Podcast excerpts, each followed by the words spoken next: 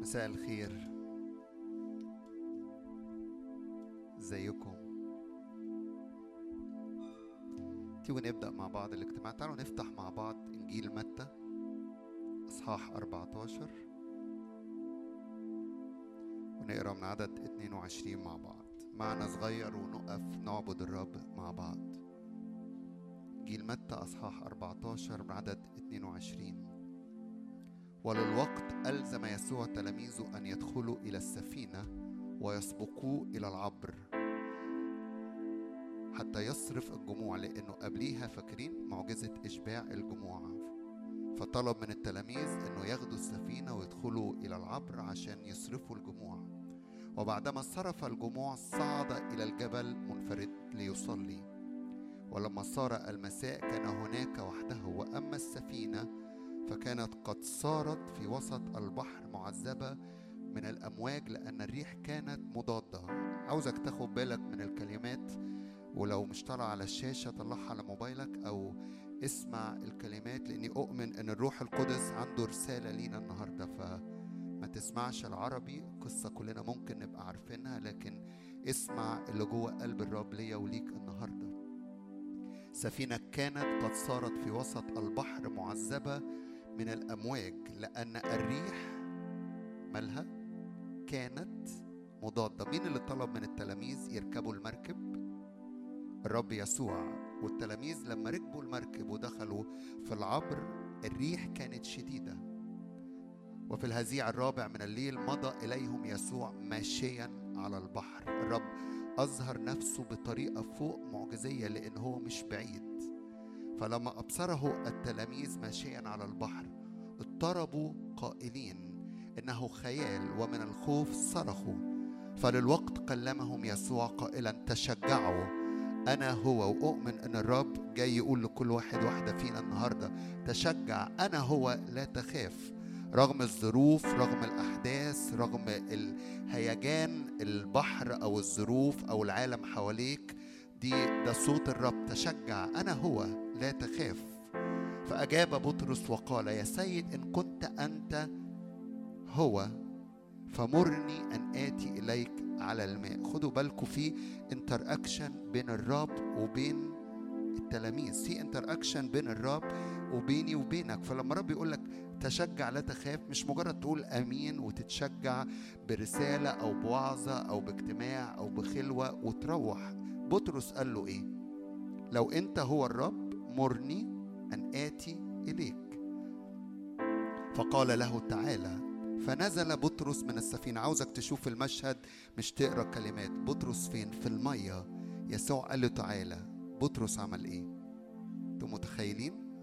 هو مش بينزل السلالم هو بينزل من السفينة علشان يمشي على المية. ليه؟ لأن عينه على يسوع ودانه سمع صوت يسوع ويسوع بيقول له تعالى يا بطرس ما تخافش. فبطرس نزل بيقول لك كده. فقال بطرس فنزل بطرس من السفينة ومشى على الماء ليأتي إلى يسوع. ولكن لما رأى الريح شديدة خاف. يسوع قدامه. يسوع بيقول له تعالى يا بطرس. بطرس بيتجاوب لكن في النص إبليس يحاول يرفع عينين بطرس من على الرب على إيه تاني؟ على الريح. فبطرس حصل له إيه؟ خاف لأن الريح شديدة وخاف وإذ ابتدأ يغرق صرخ قائلا يا رب نجيني ففي الحالة مد يسوع يده أمسك به. وقال له يا قليل الإيمان لماذا شككت؟ أنا مش جاي أقول لك النهاردة يا قليل الإيمان الرب الرسالة بتاعته ليا وليك النهاردة. ثق في الرب رغم الظروف رغم الأحداث رغم هيجان البحر. يسوع فيا وفيك. يسوع حواليا وحواليك. يسوع ساكن فيا وساكن فيك. هو ده الإله اللي جايين نعبده ونعظمه. ثق في الرب. وفي وسط الأمواج اعمل زي بطرس. إن كنت أنت ها هو. مرني أن آتي إليك. في ظروف في أحداث في أمور. قل له نعم أؤمن فيك. تدخل اصنع معجزة تراءى إن يسوع يروح لهم في العمق جوه ماشي. دي معجزة. إن بطرس يمشي على المية. دي معجزة وأنا أؤمن إن أنا وأنتم جايين نعبد إله المعجزات. فارفع إيدك كده ومجرد إنك تعلن إيمانك في شخص الرب. مجرد إنك تعلني إيمانك في شخص الرب.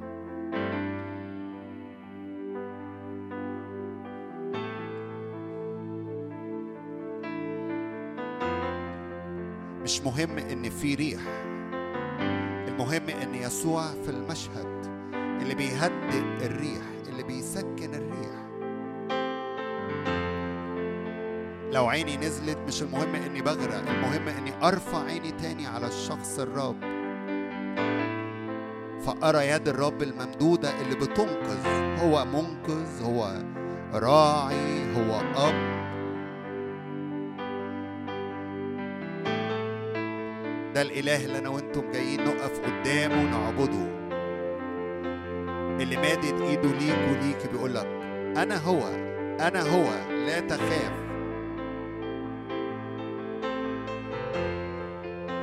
في الظروف في الأحداث في المواقف في الشغل في الاحتياجات.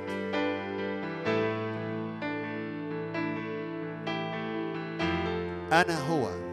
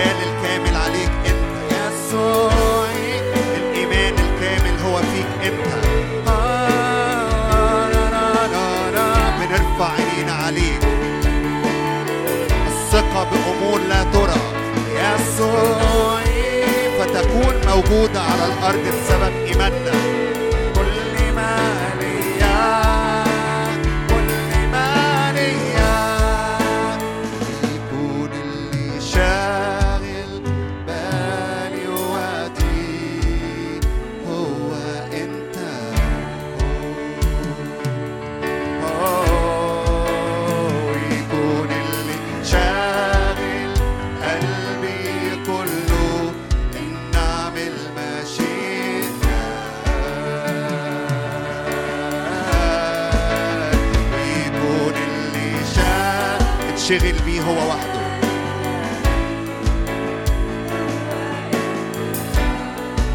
شغلي بيه هو وحده في هذه اللحظات. شاغل بالي وشاغل بالي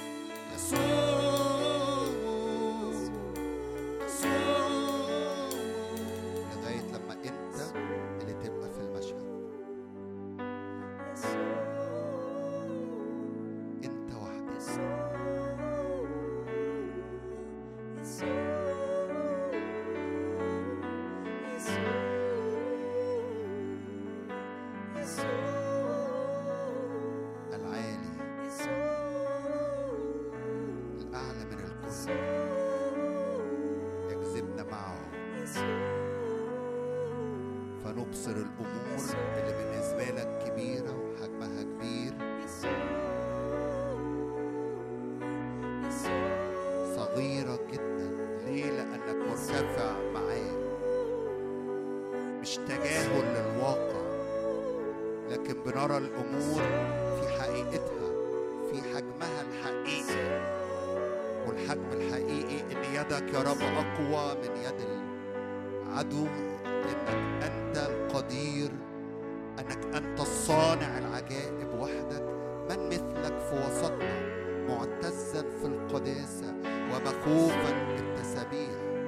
صانع العجائب وسط شعبك الغير مستطاع لدى الناس الغير مستطاع لدى الدكاترة الغير مستطاع لدى المديرين في الشغل مستطاع لديك أنت. الغير مستطاع في المحاكم ومع القضاة الأرضيين مستطاع لديك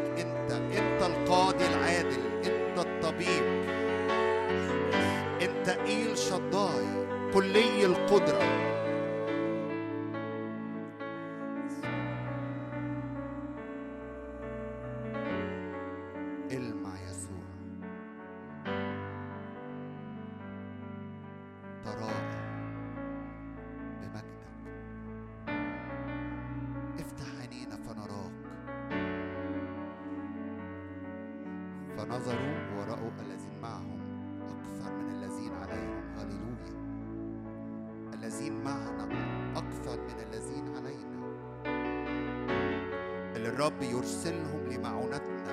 التين اللي بيتحركوا في الأرض وموضوع بالنسبة لنا كأنه كبير ده ده التلت. والواحد عند الرب بألف. ارفع إيدك واعلن ايمانك كده في قدرة الرب وفي إمكانيات الرب.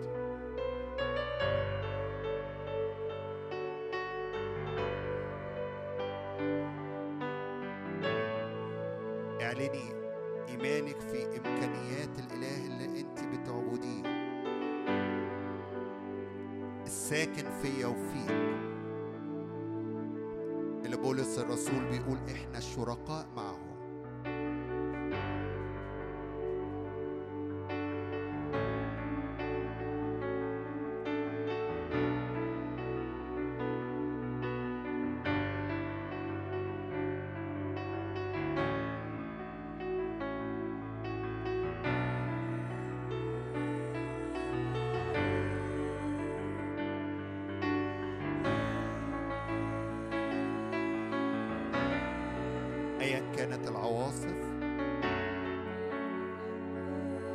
خلي الرب يوريك إيده القديرة. خلي الرب يوريني ويوريك هو مين. وإحنا بنعبده هو بيتجلى. وإحنا بنعبده القشور بتقع. القشور دي الصور الأرضية.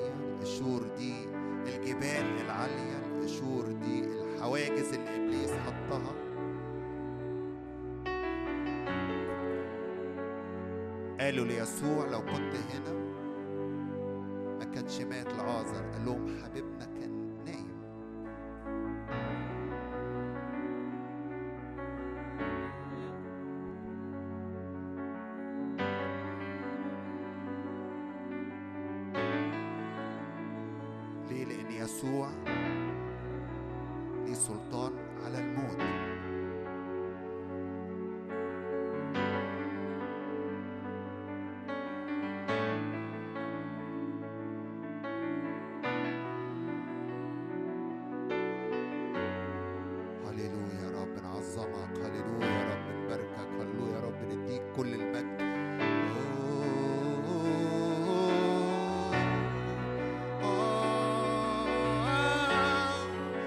أعلى لأنك أعظم لأنك أقوى.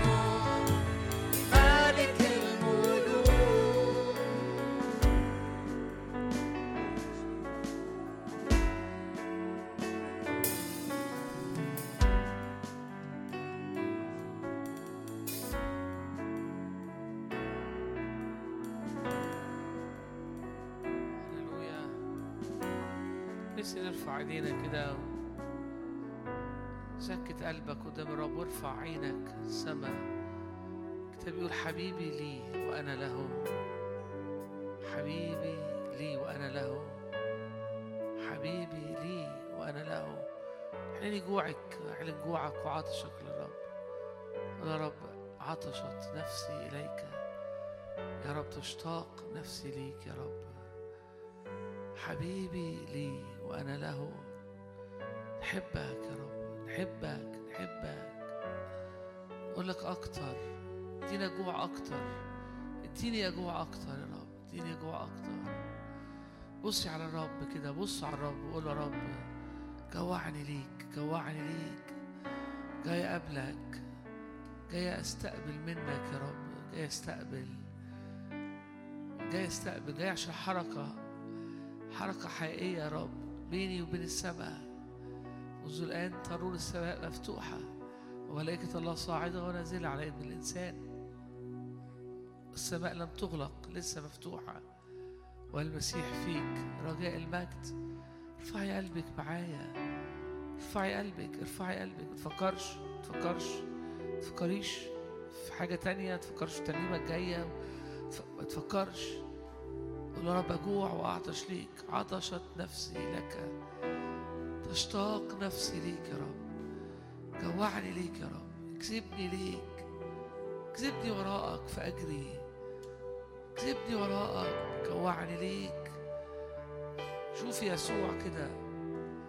شوف يسوع حبيبي لي.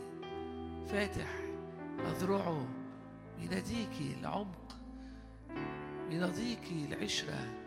بيناديك هوراكشي سارة تبصي كاتيراكشي كوراتوتو يهيري كوتو تعالى بحضور تقيل يا رب علينا تعالى بحضور تقيل تعالى بحضور تقيل تعالى بحضور يقول سقطت امامه كميت ما اتحركتش ما اتكلمتش سقطت امامه كميت كورا تعالى علينا تعالى بمقابلات النهارده يرى لك الشور لك السدة أعبد الرب معايا بلسان جديد أعبد بترنيمة أعبد بكلمتين. كورا ربش الموسيقى بتعزف كده. أعبد بكلماتك. كورا لك الشير لك السير لك الشير ربسير ربتندر كورا لك السير نعطش ليك يا رب. بدون أعطش ليك أعطش ليك يا رب أعطش ليك. مشهد كده الرب واقف الرب فاتح ايده الرب يدعوك لعناق الرب يدعوك لعمق الرب يدعوك لمسيرة الرب يدعوك لحضن كور رب الشير رب مسير رب رب رب رب رب بهدوء خالص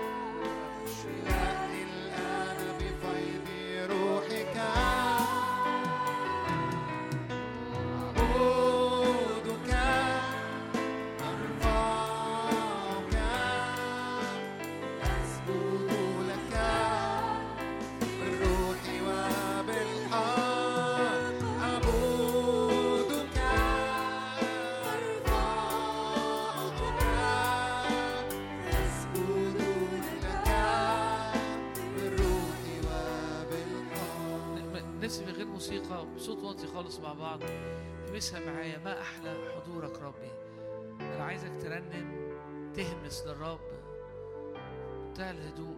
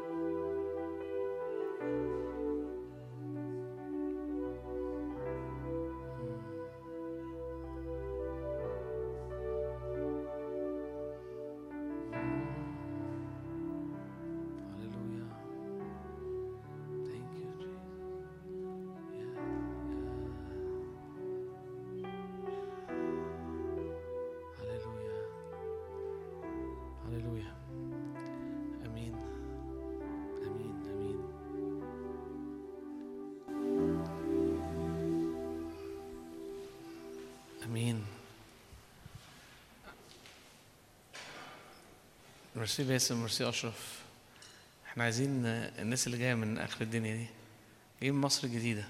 يعني ضعف ضعف المسافة بتاعت يعني من مصر الجديده لأول الطريق الصحراوي قد غالبا من أول الطريق الصحراوي لحد اسكندرية. فأشرف وباسم يعني جايين قاطعين ضعف المسافة. ف ربنا يبارك جماعة. ميرسي آه كتير في أوضنا أو في بيوتنا بنحس إنه ما فيش موسيقى. فمش عارفين نعبد. آه مش عارف تحس بحضور الرب. مش كده؟ بس في ناس كتير لما بتحكي معايا تقول لي كده. آه وفي ناس من هنا كانت بتحكي معايا على كده. عايزك تغمض عينك بقى معايا. وارفع قلبك للرب. مم. وابتدي اعبد الرب. هللويا. تقول لي اعبده إزاي؟ أقول له ارفع قلبك. لو عندك كلمات تقولها في قلبك. عندكش حاجة اقف قدامه بس. رافع عينك رافع قلب عيون قلبك للرب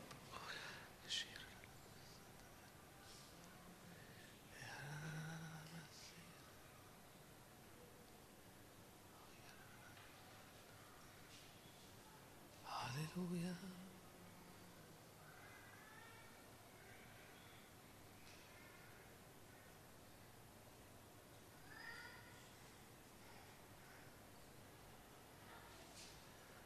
يا رب أنا عيني تترجاك يا رب عيني عيني تترجاك.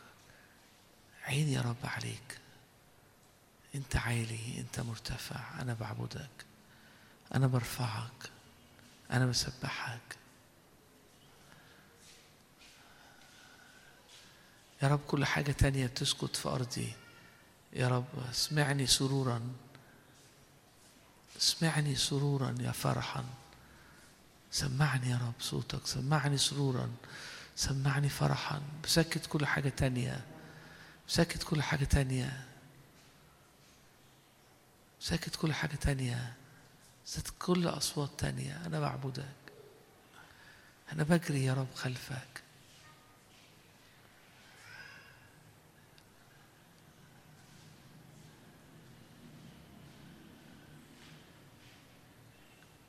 حبيبي لي وأنا له أنا حبيبي لي وأنا ليه أخرج وراك يا رب أخرج وراك. أتبعك يا رب أمشي معاك. يا رب بعليك يا رب أرفعك يا رب أحبك. زد زود محبتي زود تبعيتي. هللويا. ده اللي انت محتاج تعمله في أوضتك ده اللي انت محتاج تعمله في بيتك. بيقول لك سكت قلبك قدام الرب. سكت قلبك. أنا أنا أنا أنا بوريك عملي. إيه اللي بيتعمل في الحقيقة وأنت في المواصلات؟ وأنت عندك نص ساعة مستني دكتور في عيادة. ترفع قلبك للرب. حتى بعد شوية تبقى مش محتاج تغمض عينك. بعد شوية تلاقي نفسك عارف تعمل ده وأنت مفتح عينك. روحك اتعودت إنها تعبد حتى وهي مفتحة حتى في وسط الزحمة. بقت في حتة تانية. دي دي عبادة. دي العبادة. هو ده. بيحصل حركة حراك داخلي في روحك. تتعود عليها. كان عارفين في سفر الرؤيا لما قال لك كان فترة صمت في السماء؟ في فترات صمت. ساعات ال ال ال بالعكس ساعات اللي بنشغله ساعات الموسيقى بتاخدنا فتشيلنا. مش قصدي بطريقة كويسة قصدي إنها فإحنا بن بن ما بنبقاش موجودين وهي الموسيقى مشيانا الترنيمة مشيانا فلا هي هي هي في أوقات كتيرة تلاقي نفسك لا زي ما إحنا بنعمل كده. أنت قاعد أنت عمال تعبد أنت عمال تشكر أنت عمال ترفع أنت عمال أنت أنت عمال تتأمل. تتأمل في كلمة تتأمل في معنى تتأمل في, في انطباع جواك. الانطباع اللي كان عندي وأنا طالع على ال stage مفيش stage وأنا طالع يعني قدام. حبيبي لي وأنا له. إيه اللي أعمل؟ إيه لما يبقى عندي انطباع زي ده؟ أنا شادي. باخد الانطباع ده وابتدي أصليه وأصليه وابتدي يعني يبتدي يتملي في خيالي. واطبق كل حاجة على ده الموسيقى واللي حواليا على على الانطباع اللي عندي. أصلي بالانطباع ده. وأفضل أكتر في الانطباع ده. فيبتدي يتحفر. عارفين لما الكتاب قال الروح يدينا إحنا نصلي إزاي؟ بيديك انطباعات. بتاخد الانطباع وتمشي بيه شوية. تحس ها وبعدين تفضل ماشي بيه شوية. تبتدي تحفر جواك يتحفر جواك. بعد كده تلاقي حاجة حصلت. في طعم جه. في صلوة تانية جت. في حتة أعمق جت. في انجيجمنت يعني نوع من ال- ال- الاتصال أعمق بالروح حصل. وياخدك لحتة تانية. تبتدي تعبد بنفس الطريقة وهكذا. وده ده وده تدريب في الحياة اليومية. إني إزاي أعبد الرب كده؟ إزاي في أوقات يبقى عندي انطباعات وأصلي بيها وبعد كده تتحفر فاسكت واستنى شوية. بعد كده دماغي تبتدي تسرح فابتدي لا أرفع قلبي من غير كلام بس برفع قلبي برفع قلبي. لأنه الطبيعي إن الذهن عايز يسرح. فتلاقي الرب يجي في حتة ثانية بانطباع تاني بآية. بحتة بكلمة. وانت بتصلي الكلمة دي بقى عشان ما يسرحش دماغك تشوفها تخيلها. يعني خلي مشاعرك عينيك خيالك كله في الصلوة اللي انت بتصليها. أنا مش بصلي بدماغي بكلامي وأسيب دماغي. أنا بصلي وخلي الصورة تطبع في دماغي وهكذا. تاخدك بقى العبادة من حتة لحتة لحتة. تلاقي نفسك بعد كده لو قاعد في أوضة متر في متر. عارف تقعد وتاخد من الرب انطباع أو صلاة تصليها وتمسك أول الخيط وتمشي وتمشي وتمشي لأعماق وأعماق وأعماق. فده لأول سؤال كان إنه أنا مش بعرف أعبد لأني أنا مش بعرف أعزف. فما فيش ترانيم فبولع ترانيم بس ساعات برضه ما بقاش مركز حتى وأنا مولع الترانيم. هو فكرة إنك ساعات مش هتركز وأنت مولع الترانيم آه. ليه؟ لأن الترنيم واخدك في نفس الحتة كل مرة ومش هو ده اللي الرب عايز ياخدك ليه. فأنت الترنيمة شايلاك ورايحة. فهو مش عايز الترنيمة تشيلك وتروح هو عايز الروح يشيلك ويروح. عنده كلمة عنده انطباع عنده حاجة. فاهمين قصدي؟ ينفع في الأول أولع مم- ممكن في أوقات تولع ميوزك مثلا معينة ممسوحة ممكن.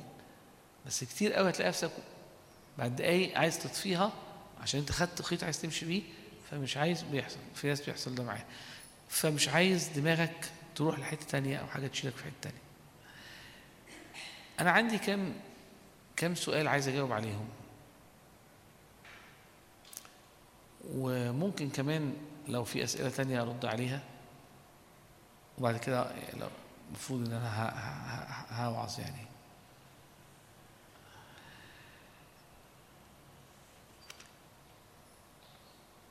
في الإرسالية العظمى يسوع قال كده هوت آه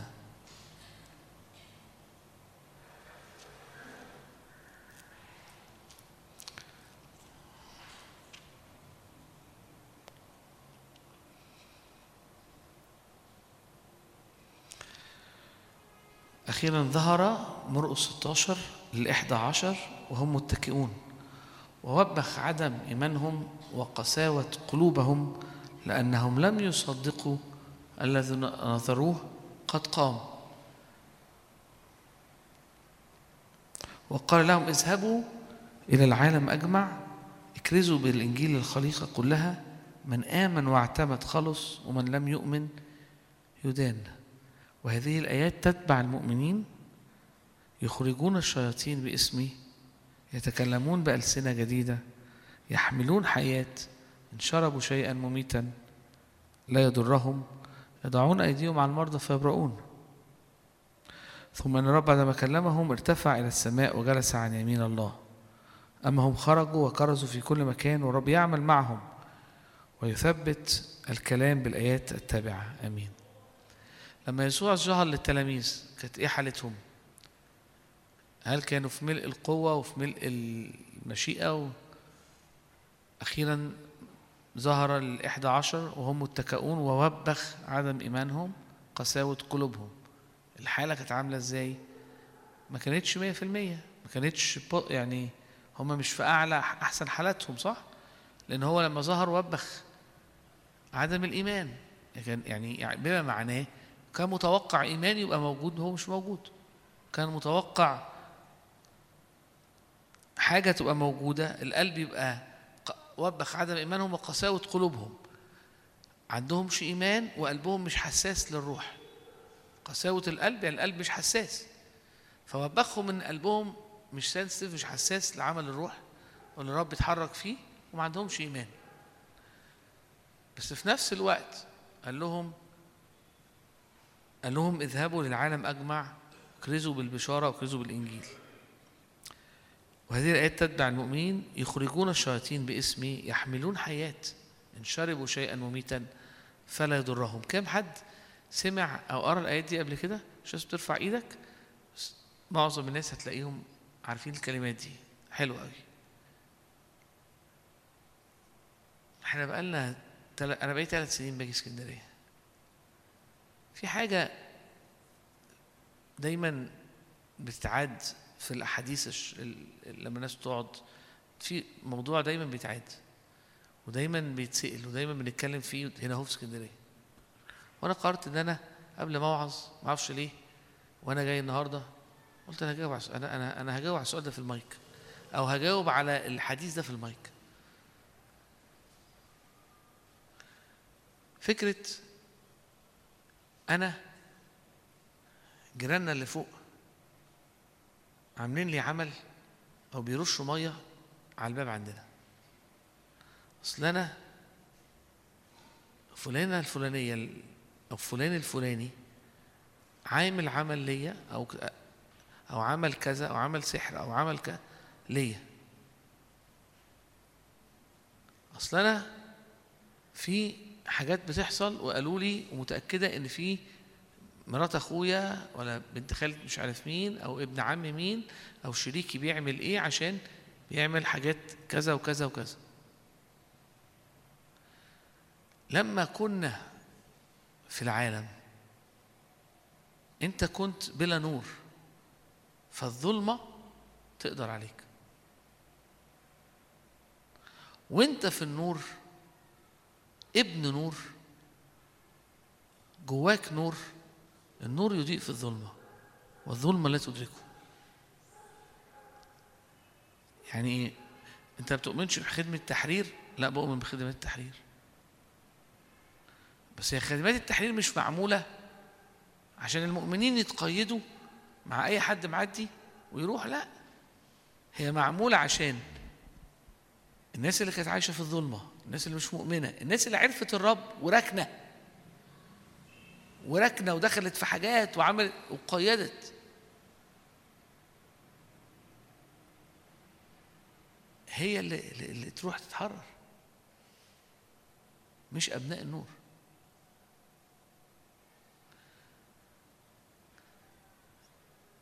دانيال كان في بابل. مين زملاته يقول لك نده الصحراء والعرافين عشان يقولوا له الملك نده نده الناس نده نده ناس بي يعني بيدفع لهم يعني على قوة ال- الملك. صحراء وعرافين. دول كانوا إيه؟ كانوا بيشتغلوا. كانوا كانوا كانوا بيشتغلوا في بابل. مش بقى عندهم بقى حجاب ولا كتاب دول ده منهج وحضارة. مين معاهم وبينافسهم؟ الفتية الثلاثة ودانيال. مفيش مرة الكتاب تطرق في قصة دانيال لتأثير ال- السحر والأعمال اللي حصلت على دانيال.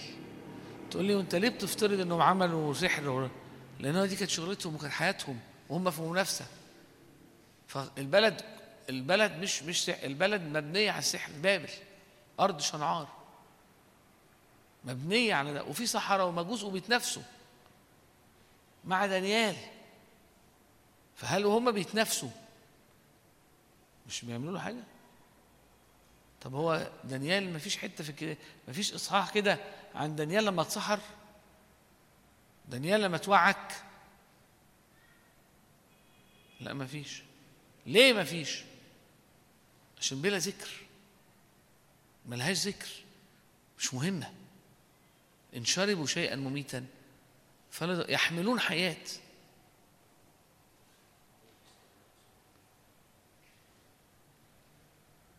يعني مش العكس. في سفر العدد صح 22 أنا هستفيض عشان وخ... واللي سامع والحاضر يبلغ الغايب يعني يعني أنا عايز يعني إيه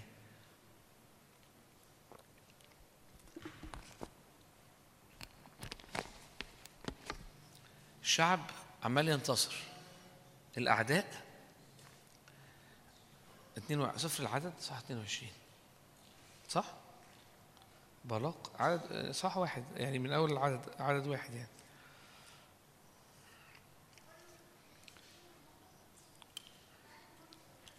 الكتاب بيشرح إيه في اتنين في 22 إن في واحد اسمه ملك اسمه بلاق لما الشعب عمال ينتصر جاب ساحر. يعني جاب يعني بس جاب ما استرخص يعني جاب جاب اللي فوق خالص. والكتاب بيقول لك إن ان الراجل ده بلعام ده فعلا كان بيشوف وفعلا كان بيعمل وفعلا قبض. يعني قصدي أقول إيه مح- محترف يعني مش هاوي. انت تروح تقرا الآية دي تقرا القصص دي ان أنا مش تقرا. معايا؟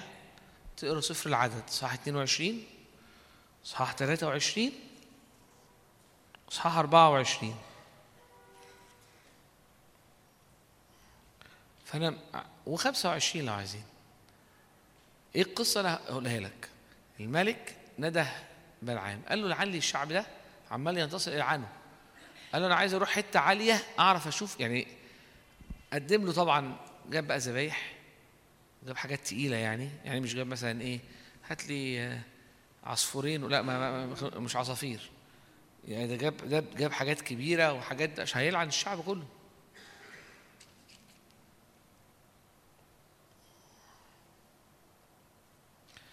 وبنى سبع مذابح وسبع ثيران وسبع كباش وأصعد وعمل عبادة. يعني سحر سحر. إيه اللي حصل؟ ما عرفش يلعن الشعب. قام لافف واخده من زاوية تانية جبل تاني. معايا؟ مركزين معايا. فما عرفش يلعن الشعب. مفاجأة إنه ما عرفش يلعن الشعب خالص. والشعب ما كانش عارف إن في حد بيحاول يعمل له أسحار أو بيعمل له كذا أو بيعمل له كذا. يعني الشعب مش جه عرف حد قال لهم على فكرة ده في واحد جاي يعمل لكم أسحار فأنت لازم تشوف فين العمل اللي هيتعمل عشان تعمل حاجة مضادة صلاة مض... ما فيش الكلام ده. ما فيش حاجة. الشعب قاعد عادي عايش عادي. في الحياة اليومية بتاعته والراجل ده عمال يلف من كذا زاوية بيلعن الشعب. هل اتلعن الشعب؟ اتلعنش فاللي أنا عايز أقوله لأنه في غطاء مجد عليك. أنت مش الأعمال مش تلعنك. مش بقول إن الأعمال ما فيهاش قوة لكن هي قوة على الناس اللي بره. ملهاش قوة عليك. ملهاش قوة على الشعب. ملهاش قوة على الشعب. full stop ملهاش قوة. أنا مش بحاول أقنعك بحاجة يعني عشان تقتنعي بيها فتنجح. هي هي حقيقية. لا عيافة ولا عرافة على شعب الرب. مفيش قوة للاسحار والاعمال على حياتك. فاكر من كذا سنة كان في واحد ساحر مشهور أو يعني ما كانش مشهور وقتها قصته طويلة يعني كان بيحكي اختباره فبيقول وسوري ان أنا ادخلكم شوية حاجات مرعبة بس يعني إيه أنا يعني كنت لما أحكي مع الناس يقول لك أصل أنت مالكش في. أنت أصل الخدمة دي ملهاش مش فاهم يعني ملهاش في التحرير ومش فاهمة في. في المش عارف إيه وتعرف فخليني أوريك بس شوية أمثلة بقى يعني في الموضوع عشان الناس تصدق إن ممكن يكون في في فهم ساحر قصته طويلة من بدايات ابتدى أهله قدموه لإبليس و وكان بيرى رؤى شريرة من وهو صغير ويقدم ذبايح وتدرج في السلم الوظيفي بتاع الصحراء يعني اللي هو كان لازم يبقى فيه حاجات معينة يعملها. يعني من أول إنه يقتل حيوانات ويقدم ذبايحها بطريقة معينة اللي بعد كده إنه يعمل حاجات أعلى من كده مش هنخش في تفاصيلها. ويقول كده إنه كان كل يوم بالليل الروح الروح المعين كان يصحيه. وكان يطلع من جسده ويلف المدينة. ويبتدي يلف يلعن البيوت. وياخدوا على الأماكن اللي هي فيها البارات والسهرات وال قال لك بس في حاجة غريبة قوي ما كنت ما فيش حاجة بتعدي على بيوت المسيحيين. فأنا كنت عندي مشكلة هي أنا ليه مش عارف أخترق البيوت دي؟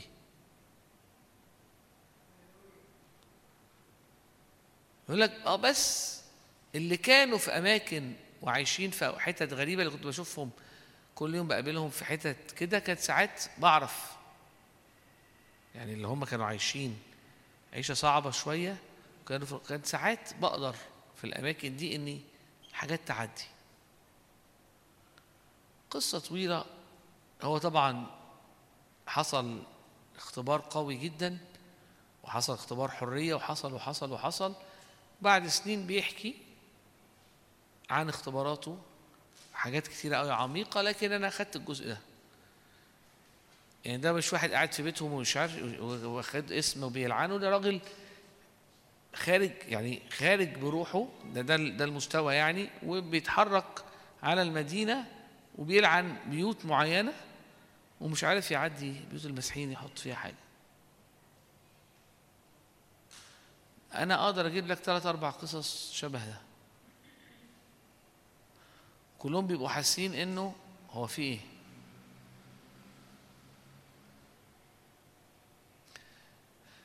هنا قصص اختبارية. دي ده جزء. وهنا بوريك بلعام في قصة كتابية. إيه اللي حصل مع بلعام؟ إنه في الحقيقة كل مرة كان بيلعن الشعب يروح قايل يروح قايل بلاسنج يروح قايل بركة. فالآيات رائعة اللي قالها. يعني هو المفروض إنه هيلعن الشعب فكل شوية يروح قايل إيه؟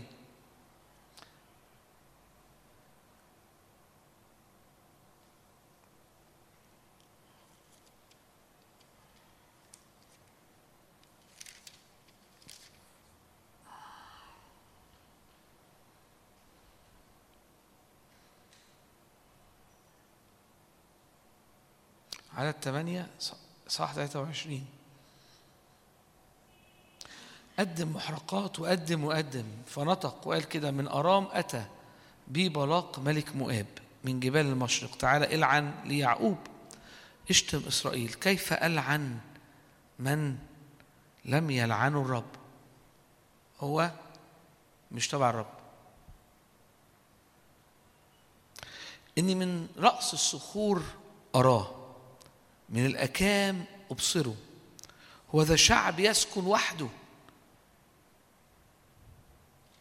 وبين الشعوب لا يحسب. من أحصى تراب يعقوب وربع إسرائيل بعدد لتمت نفسي موت الأبرار ولتكن آخرتي كآخرتهم؟ فقال بلاق ماذا فعلت؟ ماذا فعلت بي؟ لتشتم أعدائي أخذتك وأنت باركتهم فخدوا تاني وقرروا يعملوا تاني. قالوا أنا مش عارف أعمل إيه. وقدم تاني وحضر نفسه وجاب حاجات وراح أماكن تانية وقدم ذبايح تانية و...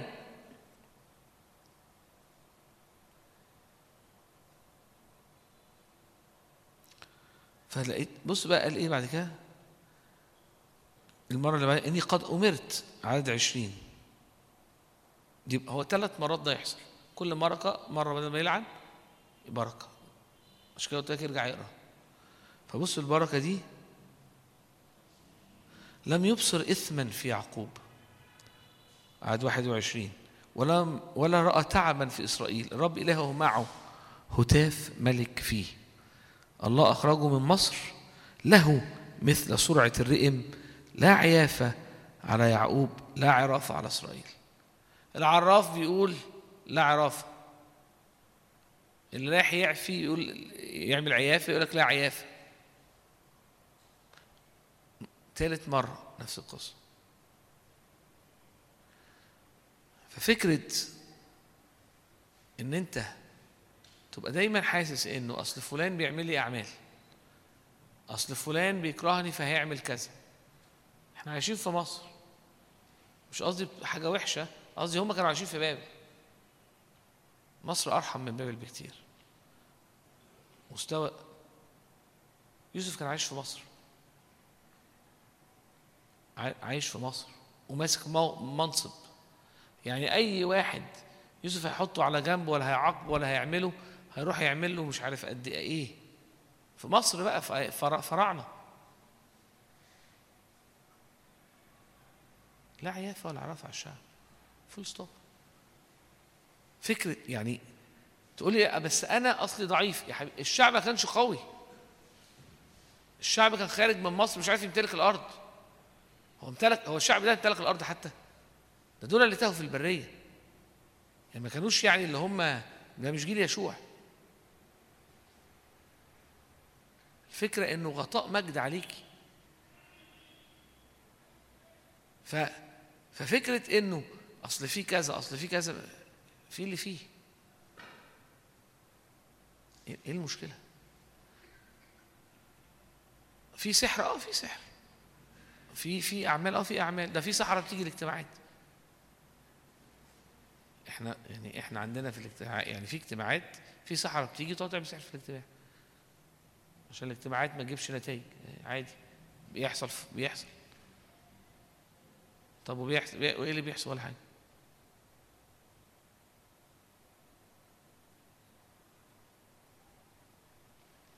قصة تانية. جابوا جابوا كان في حد معروف معاصر يعني ما كانش حاجة من مئات سنين حاجة في عصرنا عاملين مؤتمر كبير قوي في حتة في أمريكا ف أو في حتة في أفريقيا فقرروا يجيبوا مش السحرة العادية قرروا يجيبوا رئيس شعبة ال آه ال- ال- اللورد يعني ال lord witch بالطيارة. بس الطيران يعني في مشكلة فجابوا طيارة خاصة حاجة كده. فهو الاجتماع خيمة كبيرة وهم قاعدين مجاميع صغيرة حوالين الخيمة. وبعدين جه الساحر وصل من الطيارة على الاجتماع. احكي لك أنا عرفت إزاي القصة دي بس يعني فمت يعني اسمعها الأول قبل يعني وبعد كده أقول لك أنت عارف إزاي. بص والراجل وال وال وال witch master ده داخل جات له أزمة. دخل دخل دخل دخل. ومفيش أول ما ابتدى عادي ابتدى يجيله كرشة نفس. لحد ما وصل لنص البتاع وقطع النفس. قطع النفس قطع النفس في آخر راحوا مطلعينه الحقوني طلعوني طلعوني راح طلعوه بره واتلموا عليه ولحقوه وأسعفوه وخرجوه وباظت اللعبة. فواحد من السحرة راح بقى لواحد من الرعاة يعني الناس اللي كانت قال لهم أنا عايز أقابل أي حد. حصل كيت واحد اثنين ثلاثة أربعة خمسة. وأنا بقالي سنين هذا عادة بعبد كذا عشان ده الأقوى. بس اللي أنا شفته النهاردة ده هو هو في إيه؟ هو مين يسوع؟ وسلم حياته وعرف الرب عشان كده القصة اتعرفت. قصص عمال أحكي لك قصص ورا قصص عشان أقول لك إيه؟ لا عيافة ولا عرافة على شعب الرب. فول صب واحد مسك الكرسي الكنبة ع- مسك حط إيه تحت الكنبة عندك وأنت ماشي ده إيه وراك حط لك إيه في الم... لا عيافة ولا عرافة. ارجع اقرأ الاصحاب دي. أنا مش بقول لك حاجة تتمناها لنفسك. يعني مش بقول لك عشان تقول آه ياه. أنا بقول لك حاجة حقيقية مش تتمناها دي حاجة تعيشها. أي حاجة تانية؟ فأنت أنت أنت أنت, أنت مغيب. تعيش في خوف مش حقيقي. مش حقيقي. ليه الخوف مش حقيقي؟ لأنه لأنه في الصليب خلصت. ما هو إبليس مقيد ناس لأن هما في الظلمة. لكن أنت ابن نور. بس. والنور يضيء في الظلمة. والظلمه لا تدركه. أول سؤال الأعمال الأسحار اللي مش عارف إيه. حقيقية؟ آه طبعا. حقيقية. نعمل فيها إيه؟ ولا حاجة. كل ما تع... بالعكس. حلو قوي إن أنت تبقى عارف إنه في لأن كل مرة كان أنا فاكر كان مرة قاعد أحكي كان دكتور نادر بيحكي فقال أنا كل مرة بعرف إن في حاجة أو بالصدفة بيجي لي إن في حاجات بنبسط. بقول يا بركة جديدة. زي بلعام كده. يعني كل مرة في قوة فأنا بأكل يعني يعني باخد بركة لأنه دايما وهو بيلعن تحول لبركة. حول لك الرب إلهك اللعنة إلى بركة. في اصحاب حول لك الرب إلى فلح خليهم يلعنوا يا سيدي. عمالة تتملي بركة. ده ده ده الكتاب. هم يلعنوا فيتحول لبركة. وكله كله ليك. هم يلعنوا فانت تتبارك. هم يلعنوا فانت تتبارك. ليه؟ لأنه حول لك هنا الايه دي على هنا. حول ليهم الرب اللعنة لبركة. بس. فأنا هاخد أسئلة. آه هاخد أسئلة فعلا. أنا عايز أو أو اتفضلي أوكي.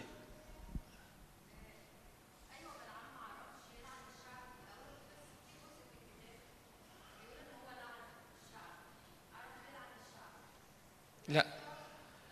هقول لحضرتك قصدك يعني هو اتفضلي. طيب.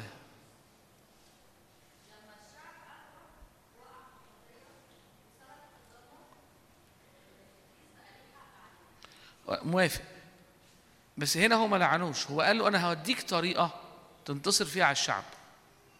ده الاختلاف. قال له هديك طريقة إزاي الشعب ده تغويه فينهزم. إزاي الشعب ينهزم؟ خليه يعيش في الظلمة. فينهزم. يعني قصدي أقول إيه؟ هو ما جاش بعد ما الشعب سقط راح جه بلعام وقعد يلعن فاللعنة عدت. هو ما عملش كده خالص. هو قال بص شغل اللعنات ده مش ينفع معاهم. حلك خليهم يعيشوا بعيد عن النور.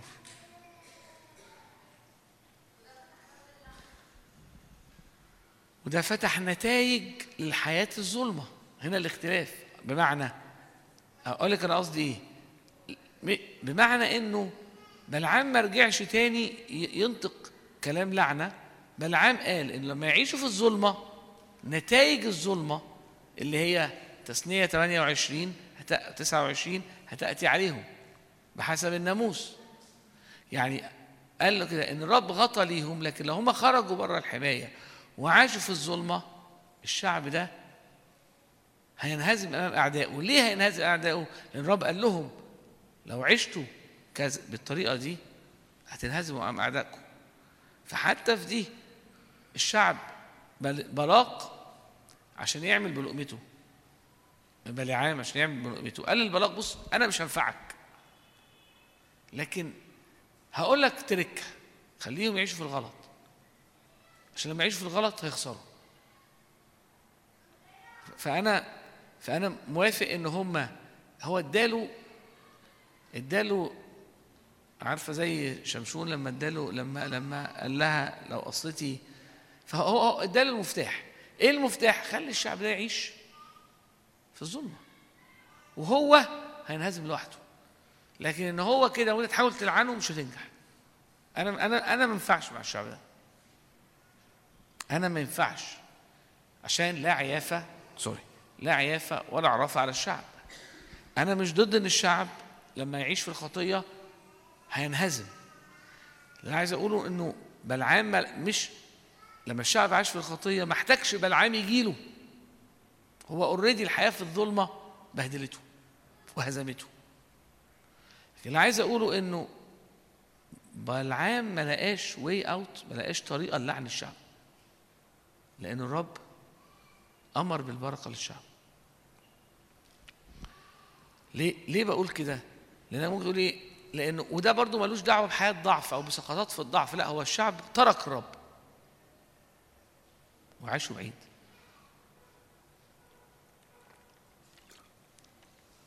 لأن الشعب هنا ما كانش قوي.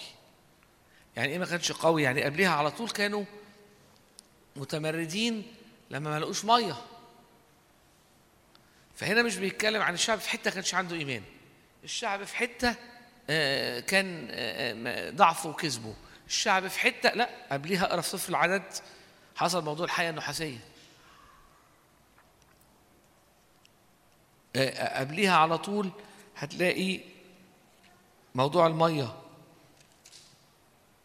الصخرة في إصحاح 20 زي ما كانش عندهم إيمان ما كانش في مية واتضايقوا وخصموا الرب وهكذا. فاللي عايز أقوله إيه؟ الشعب في الوقت اللي ما كانش فيه عيافة وعرفه عليه ما كانش سوبرمان. كان شعب بيقع وبيغلط لكن ورا الرب. فبتقول إيه؟ أصل أنا الأيام دي ضعيف شوية فممكن تيجي عليا. مفيش حاجة تيجي عليك. الشعب ما كانش اقرا صفر العدد. اصحاح 20 واتفرج على الشعب وهو بيتدمر 22 ما عرفش يلعنه اصحاح 20 الشعب عايز مية ما لقاش مية خرب الدنيا. 22 بيتلعن. أو بيجيبوا حد يلعنه مش عارف يلعنه حد يسحره مش عارف يسحره فأنا مش لما أبقى ضعيف هت... أنا أصلا ضعيف الأيام دي فما. فمناعتي قليلة. فالسحر فالعمل لو قوي شوية ما مش هيخش أصل ال- ال- ال- الموضوع ده شديد المرة دي وأنا بعافية شوية فهيحصل لا مش هيحصل.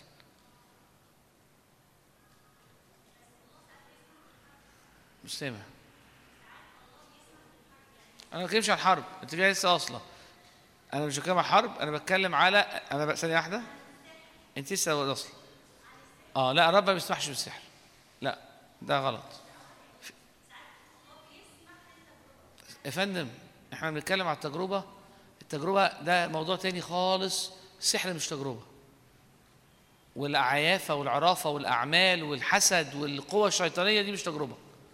هجاوب على فكرة إيه التجربة لكن ده مش تجربة. دي أعمال إبليس ويسوع جه عشان ينقذ أعمال إبليس وقال إن لا عيافة ولا عرافة على شعب الرب. فده مش تجربة. دي مواجهة. بين ظلمة ونور. الكتاب بيقول ان النور يضيء في الظلمة والظلمة ما تقدرش تدركه. العيافة العرافة الأسحار ال- ال- ال- الحسد العين حط تحتها اللي أنت عايزه. دي أعمال شريرة ظلمة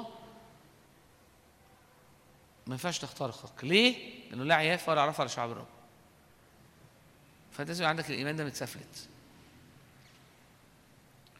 الناس بقى تعمل اللي تعمله. زي ما قلت لك دانيال ما تصحرش ما ما نقراش. يوسف في مصر ما تقراش. الشعب هنا ما تقراش. مفيش. مفيش كلام. في ناس تانية اتسحرت. ما عندهمش في ناس تانية مش تبعنا إحنا هنا اتسحرت. إزاي هم اتسحروا بقى؟ دي حاجة بقى هم يردوا عليها. بس هم مش لكن ما فيش حد من من عندنا مفيش حاجة هنا انها ناس صح مش سامع.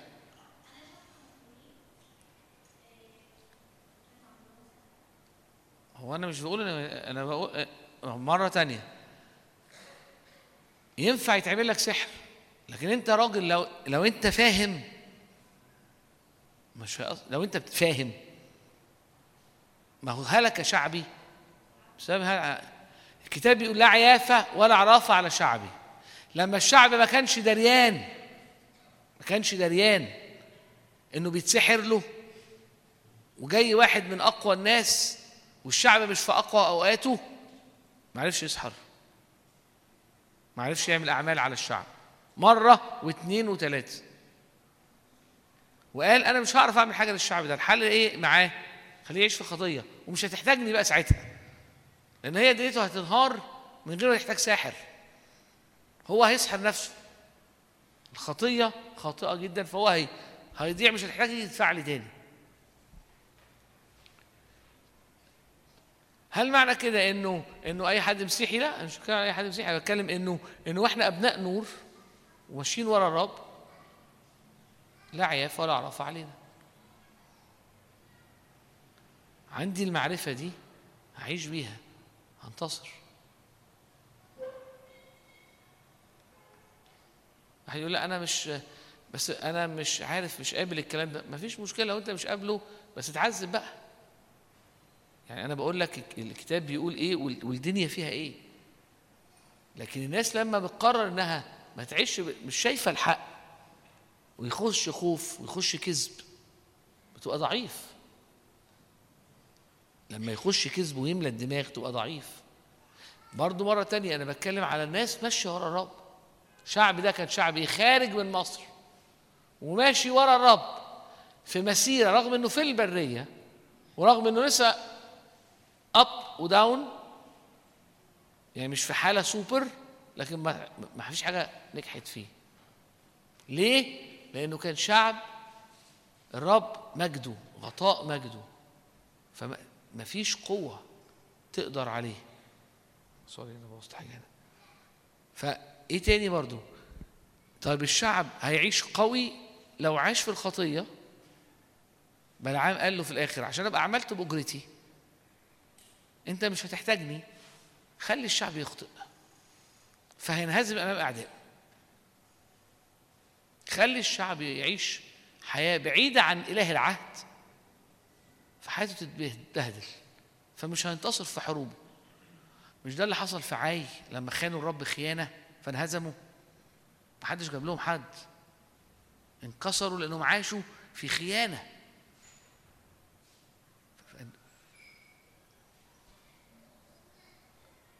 طب ما أنا هعيش في خيانة. أنت هعيش في خيانة ليه؟ أنت مش هعيش في خيانة مع الرب. ما أنا بقع. والشعب لسه قبليها بإصحاحين كان كان في ضعف. هي مش موضوع حالة هي موضوع أنت واقف فين. يعني الشعب لما الشعب ترك الرب وعاش بعيد خلاص. يعني مش بقول لك بقى إنه مش بيبقى ضعيف هو مش بس مش هيتسحر مش محتاج يجيبوا له اسحار هم هيروحوا في داهيه كده كده. لأن الخطية خاطئة جدا. فاول نقطة المفروض كانت تاخد خمس دقايق. أو يعني أول سؤال كان لا ليه ليه, ليه بقول بس السؤال ده؟ عشان هو هو أنا اكتشفت إن هو هو طول الوقت هنا بنتكلم فيه الناس إنه أسحار عملوا لي لا عيافه ولا عرف عليك. أمني إن لا عيافه ولا عرف عليا أمني آمن إن لا عيافه ولا عرف عليك. وخلي اللي يعمل يعمل. لأنه حول ليك الرب إلهك اللعنة إلى بركة.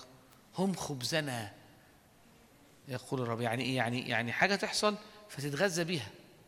من غير في عالم الروح كأنك كسرتها وخدتها وغذيتك ومشيت. فين ألعاب الأطفال اللي هي تكسب الوحش فتاخد سلاح زيادة فلو كان معاك سيف دلوقتي معاك سيف وخنجر وبعد كده معاك بندقية. الألعاب بتاعت زمان دي اللي في ال...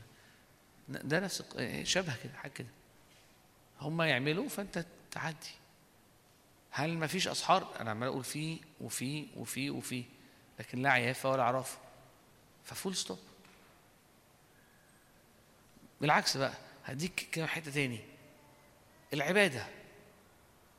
وانت في جو تسبيح. أرضك بتتملي مية. لما أرضك تتملي مية أي حيات مش بس عشان السحر أي حيات أي عمل بيحاول يطلع في أرضك بيتخنق هم؟ صحيح؟ عشان حياة الله فيا. يس بس قصدي عارف المثل اللي جوايا أو ال- الأرض طالع فيها حاجات. تغمرها بالمية الحاجات تموت. مفيش نفس. المية تموت أي حشرات طالعة تموت أي حاجة طالعة. فأرضك طول ما هي مليانة كل شوية فده واحد بيجي الاجتماع كل- أنت جاي اجت- الاجتماع أو حياتك فيها عبادة. كل حاجة بترفع راسها. المية بتغمرها تخنقها تموتها.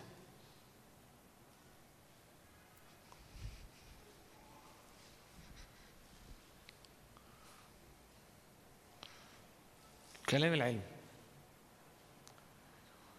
الكتاب بيتكلم عن كلام العلم بيتكلم عن نبوات وبيتكلم عن يس. أي حاجة ليها دعوة بالماضي أو الحاضر فدي يعرفها الرب لأنه يعرف اللي حصل امبارح ويعرفها إبليس؟ ليه؟ لأنه عنده جنود متمركزين. في حاجة اسمها familiar spirits أرواح بتبقى موجودة. حواليه موجودة حوالينا. فاللي انت بتقوله أو اللي انت بتشوفه أو اللي انت بتحكي فيه هي سمعته. فلما حد يقول لك انت كنت بتعدي بوقت وكنت حاسس بكذا ممكن يبقى الرب. المعلومة نفسها متاحة في الناحيتين. متاحة مش مش حاجة غريبة. كلمة الرب أعرف منها من الرب. انه لازم يقول لي حاجة على اللي فات ويكلمني عن حاجة ليها دعوة بالرب والملكوت لقدام. لو جمل من اللي فات فبقول آه آمين ده الرب. ودتني الحته حارة سد. يبقى ده عرفها وعيافة مش الرب. تقول لي آه بس اللي كان بيصلي معايا ده مؤمن. أقول لك المؤمن ده عبارة عن رادار. أو واحد عنده دش. عارفين ب- بلاش الدشات إحنا آه بس الناس كلها في ناس صغيرة. فاكرين راديو؟ فاكرين كده لما كنا نروح نصيف ناحية ناحية آه، آه، بعد بعد العجم بعد العجمي الحتة دي ناحية ناحية آه، مرسى مطروح. كان يبتدي التليفون اللي يبتدي بتاع يلقط الراديو يلقط إيه؟ يلقط قنوات غريبة. قنوات من ليبيا قنوات إسرائيل قنوات تحس إيه يعني؟ المؤمن ال- الشخص اللي بيصلي روحه رادار. كتير لأسباب معينة مش عايز اخش فيها لكن ممكن الشخص اللي بيصلي معاك يلقط بسبب حاجات معينة مش عايزين نخش فيها لكن الشخص يكون شخص كويس لكن يلقط حاجات في الأوت خالص. من ناحية تانية. فيقول لك كلام عن الماضي صح. وبعدين ياخدك بقى إيه في الشلاحات.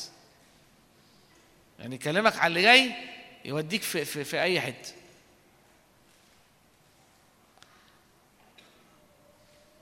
ده بيحصل؟ طول الوقت. بالعكس أقول لك حاجة كمان. الخدام اللي بيصلي إحنا خدام لو أنا كل مرة بصلي بحاول إن أنا أتأكد إن أنا هديك كلمة فأنا هروح في الشلاحات هاخدك معايا. يعني هروح في لو أنا كل مرة مستني آخد كلمة عشان أديك كلمة فأنا دخلت في حتة ملهاش دعوة بالرب لأن الرب يدي كلمة في وقت ما هو عايز كلماته محددة وإحنا مش في أوكازيون كل أسبوع كل أسبوع كلمات.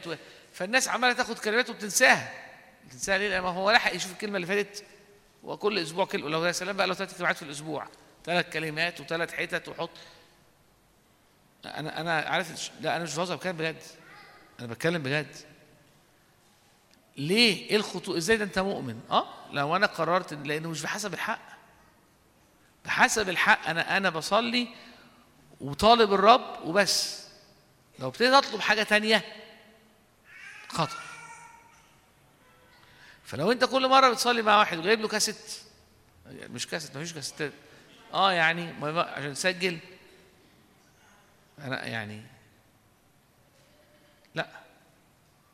هو مش كل مرة هيصلي يقول لك حاجات. ممكن يصلي صلاة معاك بيصلي. مش لازم تسجل صلاته يعني هو بيصلي زي يعني فكده لا أصل أنا عايز كلمة خاصة. لما تيجي كلمة خاصة يقولها لك. لكن لكن آه يعني يعني لما يبقى رب هيديك كلمة.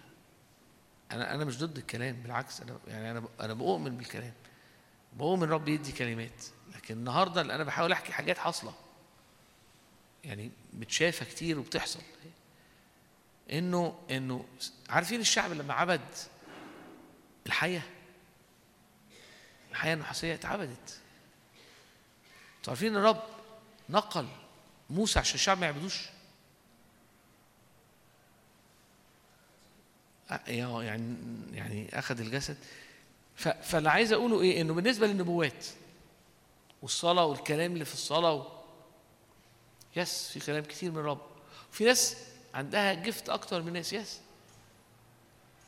لكن هي عندها جفت مش عندها محل.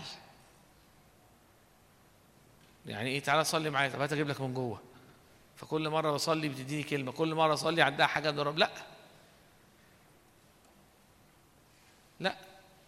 لا ليه مش كتابي. مش كتابي؟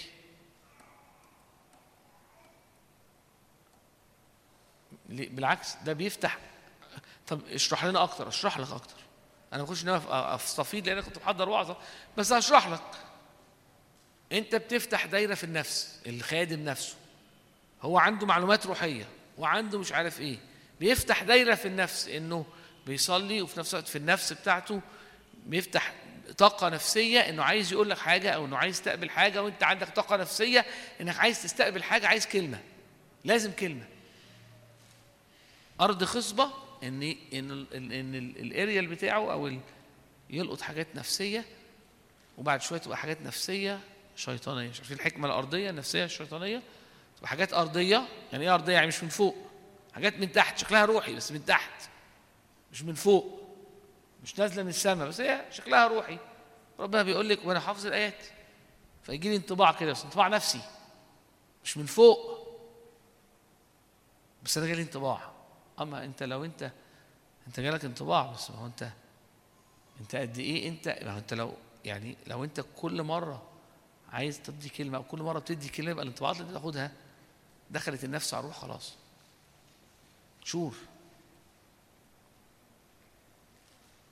مش صدقني خدوا كورسات بقى يعني برضه خدوا خدوا بقى اقروا ابعت لكم بقى كتب كتب. كتب بقى الناس معتبرة واقروا لأن الناس تاخد حتت وترمي الباقي. وبعدين الشعب أو بيروح في حتة يعني مش النبوة حاجة حقيقية. كلمة من فوق fresh ليك. yes رب يكلمك كده آه ويقدر يستخدم ناس عادية في أوقات عادية. ومش في جو صلاة. حاجات حاجات وأنت في المطبخ حتى بتطبخي. بس ساعات لأنها حصلت معايا مرة عايزة تحصل تاني. وتالت ودي خدمتي. لا دي مش خدمتك. دي مش خدمة. دي مش خدمة. إن أنت تصلي مع الناس وتديهم كلمات دي مش خدمة. أنا أنا ما شارح أهو. أنا خليني أنا هشرح. خليني أنا أشرح. معلش. ربنا يستخدمك. yes ربنا يستخدم ناس. آه. بس دي مش profession يعني ده مش ده ده الراجل ده. آه ما في حاجة اسمها أنبياء. شغلتهم شغلة النبي مش إنه يقول لك اللي حصل امبارح وهيحصل لك إيه بكرة. ده مش شغل النبي في الكتاب. خالص. اقرأ اقرأ أي كتاب اقرأ أي كتاب عن ال prophetic أي كتاب لحد يعني واقرأ مفيش ده مش شغلته خالص. لكن اللي بيحصل إنه مهم إن أنت تعرف إن أنت أي حاجة أي حاجة كلمة اتقالت على حياتك تقيسها بحاجتين. انطباعها إيه جواك؟ ثانيا على ضوء المسيح على ضوء الكلمة مودياك فين؟ ثمرها عامل إزاي؟ ثالثا دي بتتحط فوق في الدرج وبتتحفظ. تمتحن. أحكي لكم قصة لذيذة مرعبة? النهارده إيه؟ أعرف من أنا بحكي القصة. دي- القصة دي من 21 سنة. من 21 سنة بالظبط. كان في حد مش مرعبة قوي يعني ما تخافوش مش حاجة. كان في واحدة حد واحدة كانت عايزة ترتبط بواحد. لكن الشخص مش بس ما كانش مؤمن لكن كان حتى سلوكه العادي سلوك بعيد قوي عن الإيمان. ولكن حاجة حاجة جواها هي ست البنت دي كانتش عارف عارف لما قال له روحها مستقيمة جدد في داخلي؟ في حاجة كانتش مستقيمة. جوه. فطريقة الحياة اللي هو عايشها فيها حاجات فيها مجد فيها في حاجات فيها جذبت الحتة اللي مش مستقيمة اللي جوه. مش قصدي مش مستقيمة يعني ماشي غلط. أنا قصدي مش مستقيمة يعني مش بحسب السماء. ف... ففي حاجات شدتها مش بحسب السماء. فابتدت تصلي. الناس المؤمنين اللي حواليها قالوا لها لا إحنا مش حاسين عشان واحد اتنين تلاتة أربعة خمسة. فابتدت تصلي وابتدت تصوم. غير عندي نعمة في الصيام. أصوام. أصوام ما بقتش أيام بقت أسابيع وشهور. وبعد كده أحلام. أحلام في الصوم. أحلام وأحلام وأحلام وتأكيدات و... أنا فاكر كويس قوي يعني أنا كنت أنا فاكر كويس قوي مناقشة بعد بص خلاص أنا. يعني حد كان في الوسط وقال لي آه، إحنا قلنا. ما نعرفش بقى ربنا عنده طرق لأنه ده, ده تالت صوم وكل صوم مش عارف كام شهر و... وأحلام وحلم كذا وكشفت كذا وحست بكذا وبعدين واحد نبي مش عارف منين بعت على ما يعرفهاش بعت لها عن مش عارف طريق إيه رسالة طويلة وحكى لها اللي هي شافته وال... أنا فاكر قلت لها لو ظهر لها ملاك. لا. لأن بولس قال كده. قال لو حد بشركم باللي إحنا مش فليكن اناثيما حتى لو حتى لو ملاك. القصة طبعا الحمد لله حصلت الجوازة. كانت بشعة جدا I think. وفشلت فشل ذريع وخسائر غير عادية. وطبعا هي متضايقة من الرب عشان الرب قال لها وليه يعمل فيها كده؟ القصة بتقول إيه بقى؟ أنا ليه ليه قلت القصة دي؟ واحد أنا عايز حاجة فبصوم وبصلي وبجري ضد الانطباع العادي انطباع الرب العادي. فدخلت حاجات روحية داخل في حاجات روحية بس ضد الحق. لو كده كان حاجة بسيطة. الحق بيقول no simple واضحة. أنا قلبي مش عايز ال no بس أنا راجل مؤمن. فأنا بصلي وبصوم وبنتظر الرب وبروح أصلي مع مش عارف مين و... أنت واقف في حتة يعني في مهب الريح.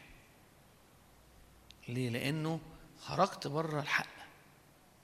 وبتفتح نفسك لحاجات وعايز حاجات في الروح عشان تخليك تعمل حاجة ضد الحق. وهتختبر حاجات بس شبه ملاك نور مش هتوصلك. سيمبل أنا ليه حكيت القصة دي؟ عشان أقول لك إنه لا أنا عمري ما أعرف أصوم الأصوام دي. فكوني صايم يبقى نعمة. ممكن تبقى نعمة وممكن تبقى حاجة تانية. أحلام أحلام أنا أصل أنا مش عقلي الباطن اللي هيخليني أحلم الأحلام دي حلمت كذا وشفت كذا وأحلام عميقة. آه مش عقلك الباطن آه. بس في أحلام وفي رؤى شبه ملاك نور. هي وديت مودياك فين؟ مودياك في حتة ضد الكتاب ضد الحق. واضحة.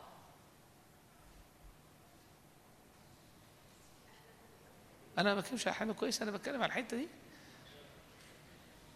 أنا بتكلم على ضد الحق عشان بس يعني أنا بتكلم أنا الحق واضح أنا فاهمه أنا شايفه أنا عايز حاجة تانية. فاديتك مثال إنك لما تبقى ضد الحق البسيط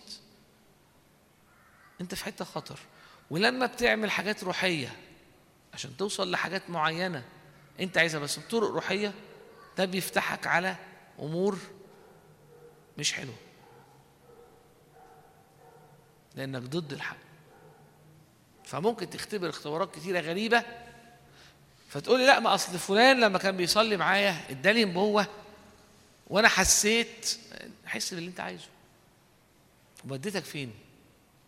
خرجت بإيمان ولا خرجت بالكلكع؟ خرجت في البر ولا بعديها رحت في ستين داهية؟ خرجت بتحب الرب أكتر ولا دخلتك في دوامة؟ هنا هنا هنا القصة. حد زهق؟ يرفع ايده يعني بجد ما ما حدش زهقان لسه. أنا أنا عارف إن ممكن حد يكون جاي يعني متوقع وعظة وأنا فعلا كنت ناوي اوعظ بس اللي بيحصل إن إحنا بقالنا ثلاث سنين هنا وأنا طول الوقت يعني اللي أنا بحكيه ده هو حاجة كونتينوس يعني كلمات طول الوقت بنتكلم في المواضيع دي. فقررت إنه طب خلاص أنا أنا هقول الأسئلة بصوت عالي وهحكي وجهة اللي إحنا يعني وجهة النظر. ماشي. شكرا آه طيب حاجة تانية. حاجة آه اتفضلي. يس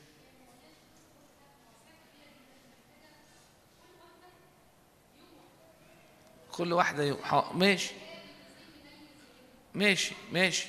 شور بس على الأقل على الأقل موافق. بس على الأقل أنا بقول إيه؟ خليني هحاول أبقى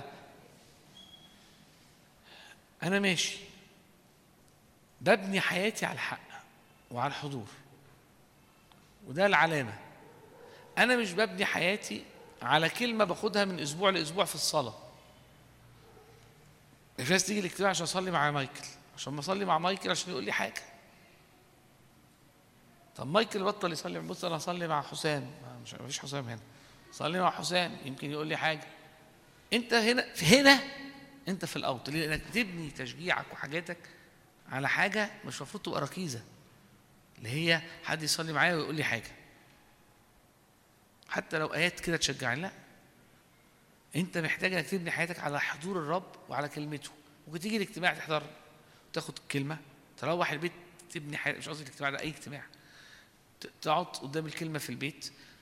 تعبد الرب هنا تعبد الرب في اجتماع تاني تعبد الرب زي ما لوحدك. العيشة دي الحياة دي التبعية دي دي اللي تبني الإنسان كل أسبوع. مش إن أنا بص أنا عشان هروح بقى وهصلي وهيقولوا لي حاجة وهروح تاني وهصلي. بص هو الاجتماع ده ما بقاش يقول حاجة. فبيقول لك في اجتماع على بعد 250 كيلو على مش عارف فين في حد بيقول. فاحنا نروح بقى الاجتماع اللي بيقول. لا ما هي مش كده ما هو ده ده خطر. انت حتى لو الشخص كويس انت في حتة وحشة. هتلقط حاجة مش تمام. ليه؟ ما بتتبنيش الدنيا على كده. في كلمة إحنا بنبني على ده. وبنستقبل من الروح يس. بس كما زي ما الروح عايز. فاهمين؟ مش زي ما الروح عايز. انت متخيل لو الشعب كل شوية يقول بقول لك يا موسى ادينا نبوة. بقول لك يا موسى مش انت نبي؟ ادينا. هي هي النبوات عن الشعب. يعني موسى في نهاية حياته كلم الاسباط ده نبوة. آه، آه، مش آه، إسحاق. جمع عياله. يعني مش كل أسبوع يا جماعة عندنا القعدة الأسبوعية بتاعت العيلة. تعالوا بقى تنبأ على حاجكم القعدة الشهرية. تعالوا بقى اما اديكم بق مش مش كده. مش كده. ولا في الكتاب كان كده. افرزوا لي بولس وبرنابا أنا عايزهم في كذا. يس! لكن مش كل اجتماع. في حياة بولس في كلمات نبوية بس مش كده. فانا طب انت زعلان ليه؟ يعني ممكن حد يقول انت محزون أنا زعلان على الناس مش زعلان على اني حاسس انه يعني ساعات بحس انه في ناس عماله تلف في حتت أنا متضايق عليها. يعني وبعدين لأنه في النهايه رجاء مماطل بيمرض القلب. بناء الانسان الداخلي مرتبط بالقعده قدام الرب وقدام الكلمة. الرب وكلمته حاجة واحدة. القعده قدام الرب والقعده قدام الكلمة ولا شيء آخر. حضور الرب يس. عبادة OK. هيجي الرب بكلمات yes. أيوه هيجي ساعات بكلمات yes. أيوه طبعا. إحنا مفتوحين. إحنا مش بس الاجتماع إحنا كشعب الرب yes مفتوحين للكلمات.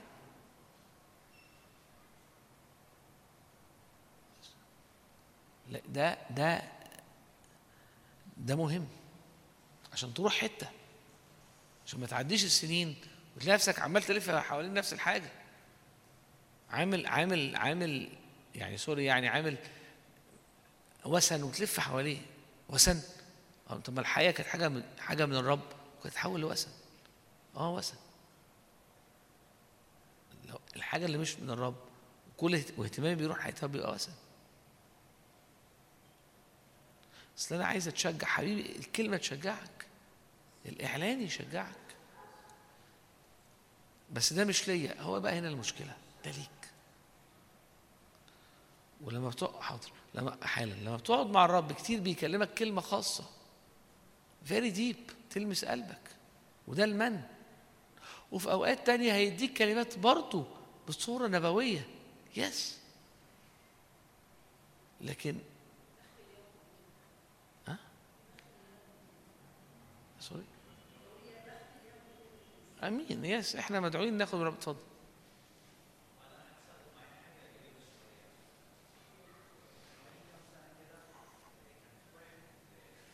ايا كان. آه آه.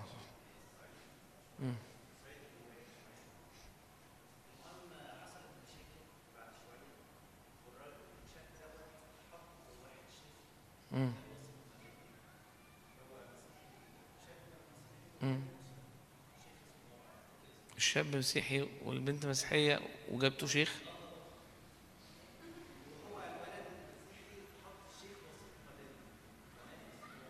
مش مهم اسمه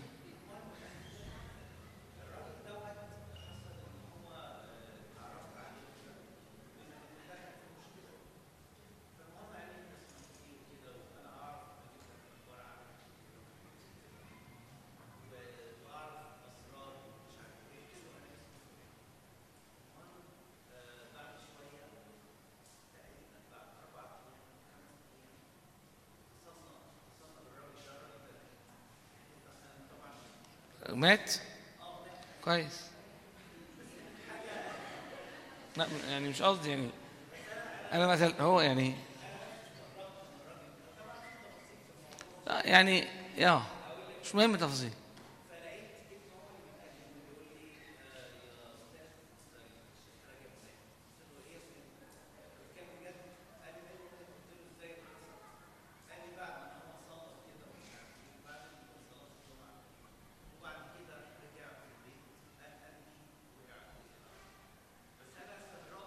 أنت ربنا أنقذك. اقعد لا ما مش لازم. يعني ممكن يحكم بينا ناس مؤمنين. يعني مش لازم نجيب يعني بس آمين. حلو.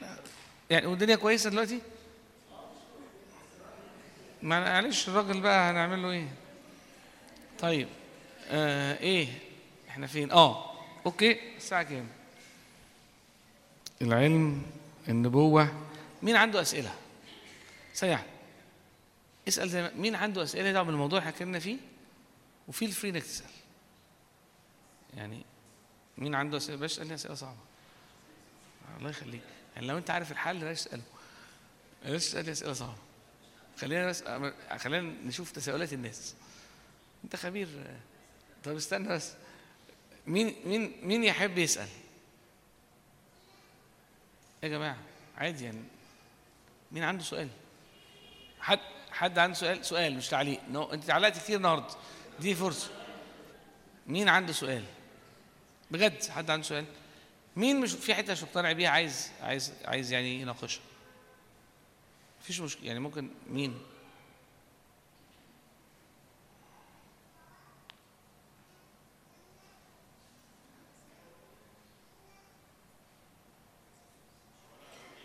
أو أو قول أو تعليق. لو عايز تقول تعليق قول.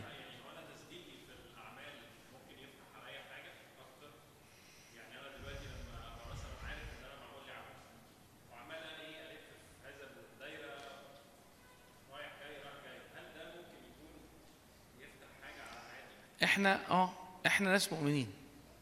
فلو وصل لو إبليس عرف يوصلني إني أؤمن بيه يعني فاهم قصدي إيه؟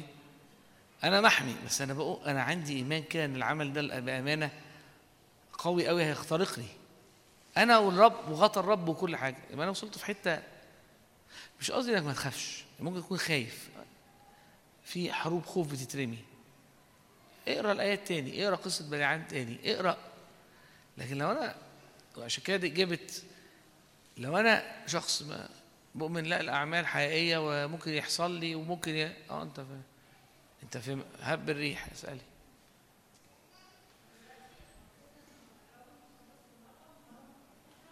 مم.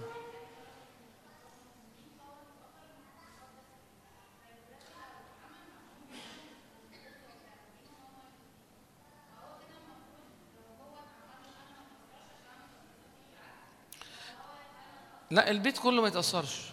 السؤال السؤال حلو. السؤال إنه لو أنا أنا مؤمن ومراتي مش مؤمنة أو أنا وعيالي. فبعدين وهي جاوبت قالت أنا مقدس فيه وهي مقدسة فيا. ده الكتاب. ال ال ال فإيه اللي يحصل؟ ولا حاجة. ياما ناس مش بس كده. لا مفيش حاجة تخترق. مش معنى كده إنه إنه إنه مفيش مشاكل. مش معنى كده مفيش حروب. مش معنى كده مفيش تحديات. أنا بتكلم في حتة قوة إبليس للأعمال والأسحار و لا لا ما تخشش عليكي ولا على بيتك ولا على جوزك ولا على عيالك. نو no.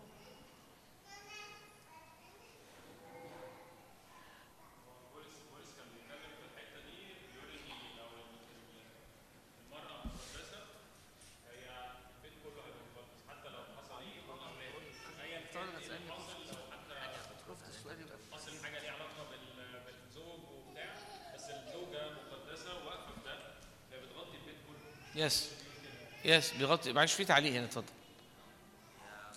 بس في حاجة كان شادي بيلمحها ان ال- شعب الرب لما جه آه، بالعام يلعن هو ما اتلعنش ان في كفر لأن في- هو في العهد القديم كان شعب الرب في العهد الجديد ابناء الرب فابناء الرب في العهد الجديد الكتاب بيقول بولس كده في كورنثوس آه، 8 13 كان بيقول كده لكورنثوس امتحنوا ايمانكم يعني أنتوا في الايمان ولا لا هل المسيح فيكم ام أنتم مرفوضين الفكرة كلها ان الناس اللي هم بيتعمل لهم سحر ممكن يكونوا هم أصلا مش في الايمان مش مرفوضين مش اي حد يقول عليه مؤمن مش اي حد يقول عليه ابن هي دي ف- الفكرة فممكن تبقى ناس مسيحية بس ما عندهاش إيمان وما عندهاش مسيرة. المسيح مش فيهم. ما يعني ف- ففهمش المسيح آه فهم دول اللي بيتعاملوا بالسحر دي حاجة تانية اما الح- الاجابه الثانية بتاعت العلم أو النبوه في افسس اربعه بيقول ان بلاش تكونوا منساقين لكل ريح تعليم لأن ده آه، ده ده الطفل ده الطفل فاحنا هنا في الاجتماع هنا في الاجتماع هنا بيجي تعليم للناضجين يعني ما ينفعش ان اكون بتنطط بجري تحت حد يعني اول هنا كان رب يسوع على السامريه ولا هنا ولا هنا م- هو عايز حد بالحق امين إيه نور. قالوا لي جاي الاجتماع الساعة 9 وربع. وبعدين بقالك بتاع ثلاث أشهر ما جيتيش. كل ده طالع في التسجيل. اقعدي اتفضلي. آه اتفضلي. في آه.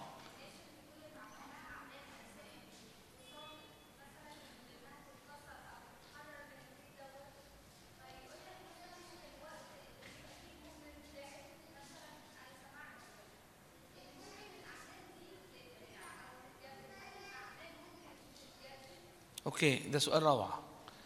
في فرق هل النهارده لو مؤمن عنده ضعف أو عنده قيود أو في أعمال ولو ضعف تتجدد عايز في بقى هنا الضعف والجسد حاجة وال وال والقوة الشر والأعمال حاجة ثانية فأنا هشرح. الجسد بير موجود. يعني لو أنا شخص بميل للغضب فدي أعمال جسد وكانت متسلطة عليا. فلما مستوى ثمر الروح في حياتي يبتدي ينزل والجسد يبتدي بلاقي الغضب رجع. ده ملوش دعوة بأي حاجة. ده اسمه الجسد. وإحنا طول الوقت محتاجين إحنا نصلب الجسد. خد ده على حاجات كتيرة. أنا بميل للحزن أو للشخصية للحزن وللخوف. فبقول آه أنا كده. بس بقيت مليانة حاجة مختلفة لكن لما بعيش في الضعف شوية لما مستوى ثمر ثمر الروح ينزل أو يبقى في تحديات فابتدي أحس بالجسد بيتحرك. في في عربية عايز تطلع. شوف ده حد قافل عليها ولا إيه؟ فأعمال الجسد أو الجسد موجود فأنا دايما محتاج يبقى على الصليب. فأنا لازم آخد بالي كتير قوي الناس بتعلق أعمال الجسد تحط عليها كلمة إبليس. فيقول لك إبليس تعبني قوي قوي قوي. ليه يا عم تعبك تعبني قوي قوي قوي في شغلي؟ تلاقي بقى الشخص في شغله ده إيه؟ بيروح متأخر. بيمشي بدري. ومش مركز. وهو ما بيحبش الشغل مش طايق نفسه. فأنت تيجي تقول له إيه؟ تصدق ما طلعش شيطان؟ طلع مين؟ أنت. أنا؟ آه أنت. اصلب الجسد أما بالنسبة آه أما بالنسبة للاعمال و و تتجدد إيه؟ لا عيافه ولا أعرفش ناس تجدد تجدد يعني إيه؟ لا تج... لا عمل قديم معلش يجدد ولا عمل جديد ي... ي... ي... آه.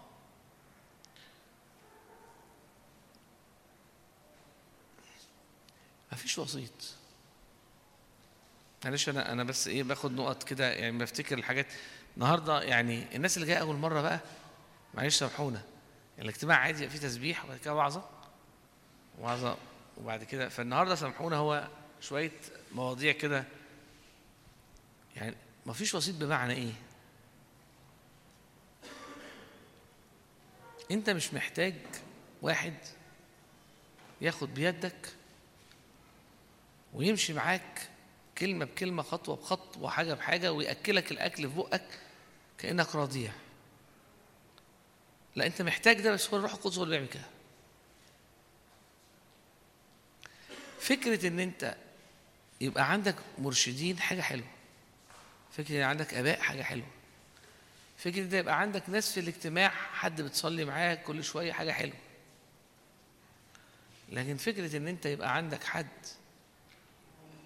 هو اللي كل هو اللي بيأكلك ويشربك ويصلي معاك عشان أنت مش عارف تصلي وي- و- وتحكي معاه في كل مشكلة في كل ثانية و... و... لا ده مش ده مش لا. ليه لأ؟ لأنك مش عارف يعني مش هتنضج. أنا مش مع إنك تقفل على نفسك أنا مش قصدي كده. أنا قصدي أقول إيه؟ شفت ناس بعد عشرين سنة مش عارف ياخد قرار أقعد في الشغل ولا أمشي. ده ده ده إيه ده؟ أنا مش قصدي إيه ده يعني إن أنا بلوم الشخص يعني فهموني. أنا قصدي إيه ده لأن لأنه أبناء الله بروح الله ينقضون الذين بالتمرن قتلهم صارت قد صارت لهم الحواس مدربة. فاي امتياز ليك أنت إنك تعيش كده؟ فأنا يعني فإزاي ما تعيش ده؟ وده دفع ليك. ليه ما تتمتعش بده؟ طب واتمتع بيه إزاي؟ بإنك أنت تقعد مع رب كل يوم. فيبتدي يكلمك يكلمني زي ما بيكلمنيش. أنت ما بتعرفش إنه كلامك هو بيكلمك. الآية اللي بتلمسك ده كلمة منه. الانطباع اللي جواك في الصلاة ده كل دي حاجة منه. الترنيمة اللي اللي بتبوب اللي بت بت بت بقلل جواك دي كتير بتبقى من الروح. الرب روحه اللي بيفكرك بيها. والرب عايزك تمشي سكة معاه. تخيل واحد يقول لك إيه؟ أنا أنا وفلان والرب. أنا ومش والرب. أنا ومش طب ما فيش أنت والرب. يعني هو لازم أنا ومش والرب. أنا والرب طيب. أنا والرب. مرة تانية عشان بس ما حدش يفتكر أنا مش بتكلم على إنه يبقى في ناس قريبة بحكي معاها. مش قصدي على كده آخد رأي حد مش قصدي. لازم يبقى في صحاب لازم يبقى في أنا قصدي أقول لازم يبقى في مع ده أنا والرب. أوقات وقعدات وقعده مع الكتاب وصلاة و... ينفعش أجي الاجتماع عشان فلان يصلي لي. كل اجتماع هو نفس الفلان بيصلي. وبعد كده اللي على المنبر ما بيصلوش طب أخلي بقى حد من الناس اللي- تحت يصلوا. فياخد حد واطلعه بره يقعد يصلي. لي مش مش مش مش ده. أنا كتير اتقطع ليه؟ الناس عمالة تحكي بره. والاجتماع يكون مثلا جو تسبيح وفيه زيارة غير عادية. طب ما زيارة في العبادة. بحاسس يعني أنت عارف أنت لو دخلت جوه؟ هتتنقع في حاجة تاني خالص. الحضور بيعمل حاجة. البريزنس طب ما أنا كنت عايز فلان ما تكلمه يا أخي. ما تكلميها. ما أنت في اسكندرية وهي في اسكندرية. لكن بتحبك إن هو إن إن إيه؟ إن الدنيا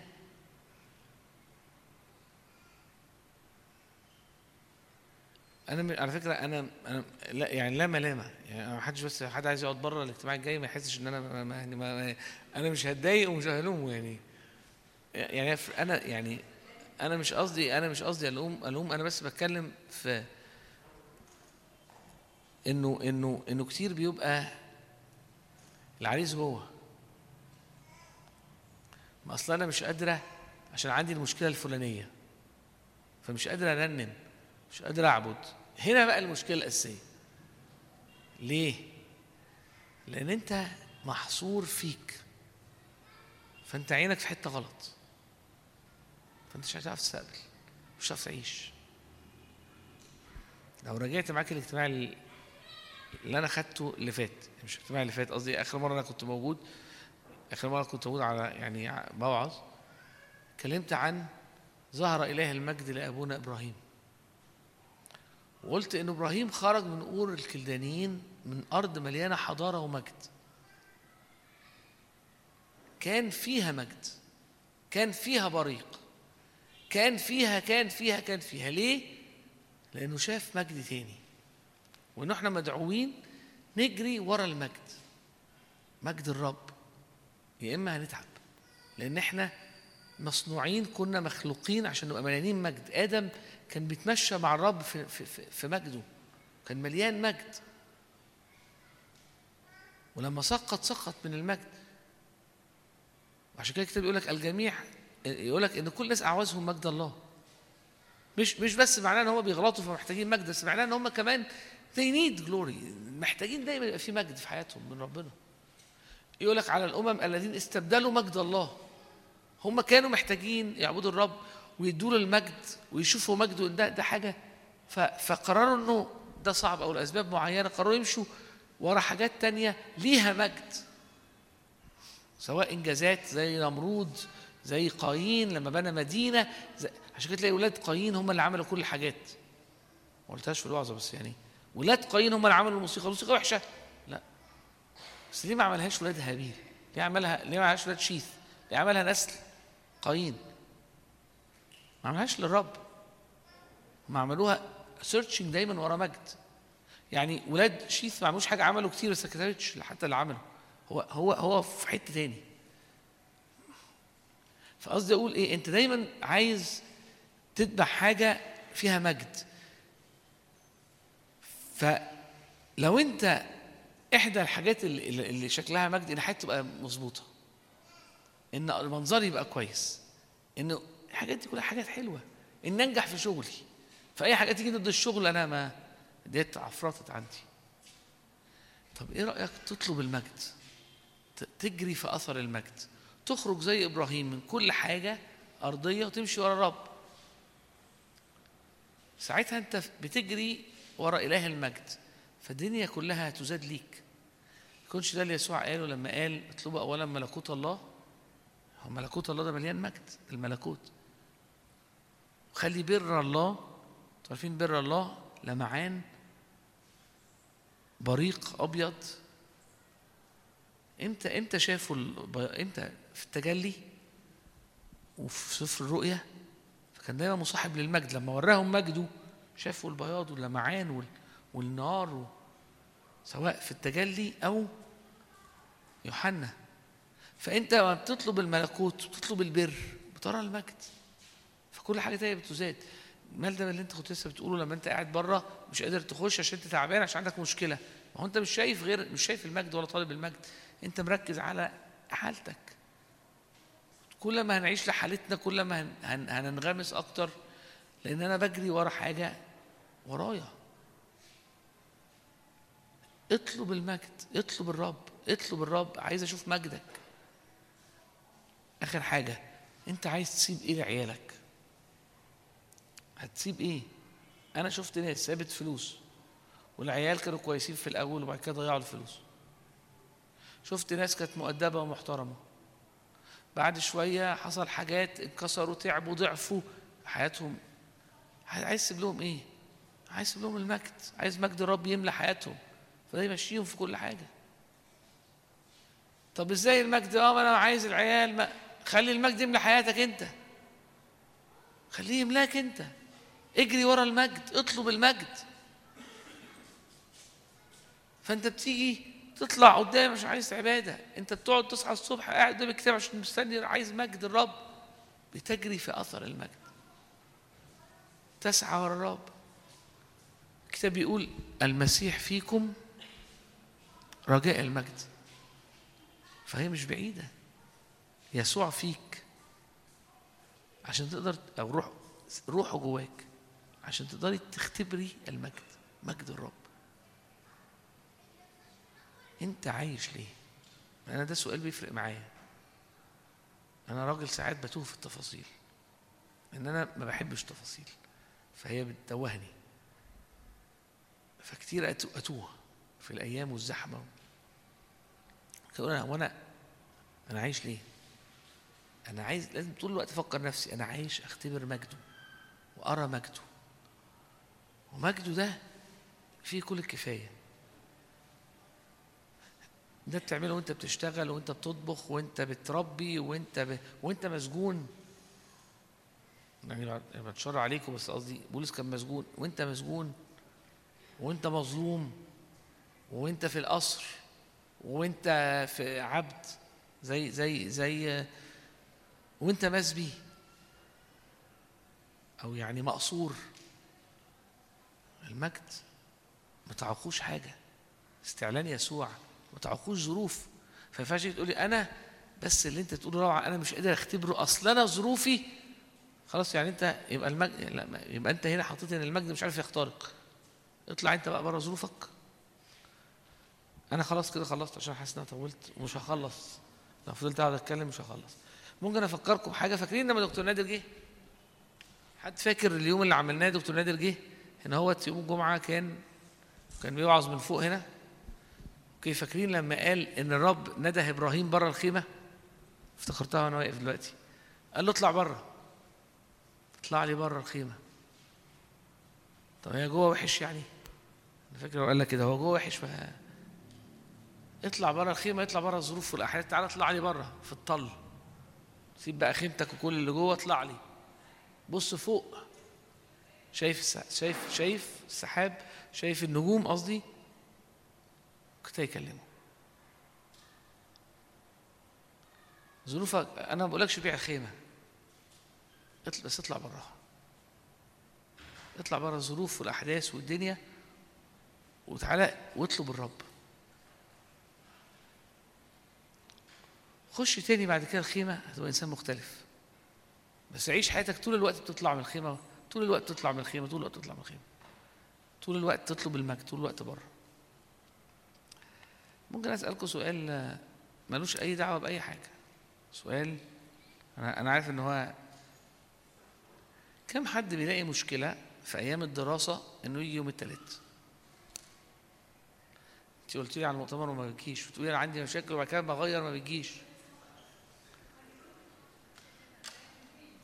إديكي الاثنين يعني لو كنا زمان عملناه يوم تاني يوم يوم يوم تاني يوم إجازة كان بقى أسهل؟ كان بقى أصعب. إنه يبقى يوم تاني يوم إجازة أصعب. لا مش يوم الإجازة تاني يوم إجازة.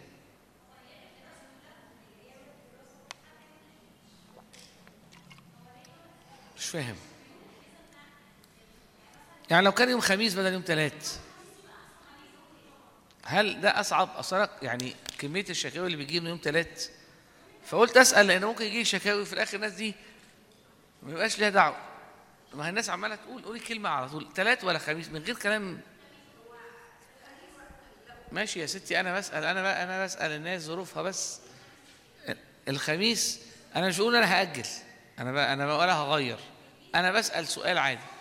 انت انت خميس انت خميس خدت بالي فهمت.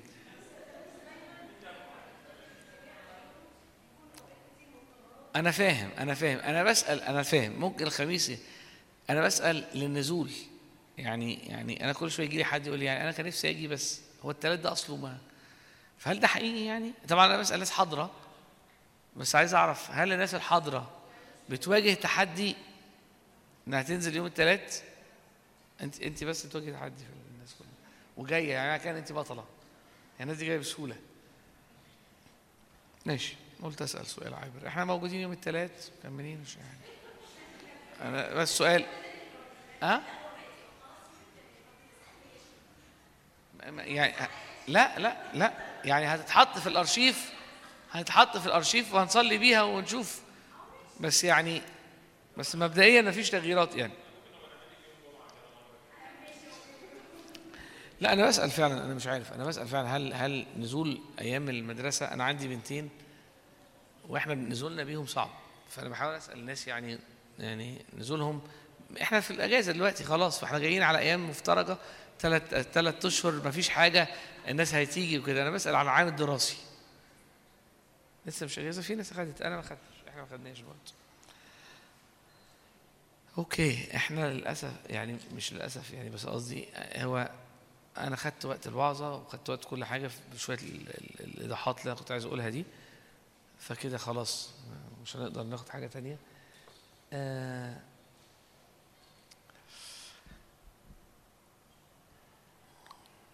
عايز أقول حاجة بس مش عارف صداها هيبقى إيه آخر حاجة يعني. مش عايزة تبقى قنبلة في الآخر ونقفل بعديها.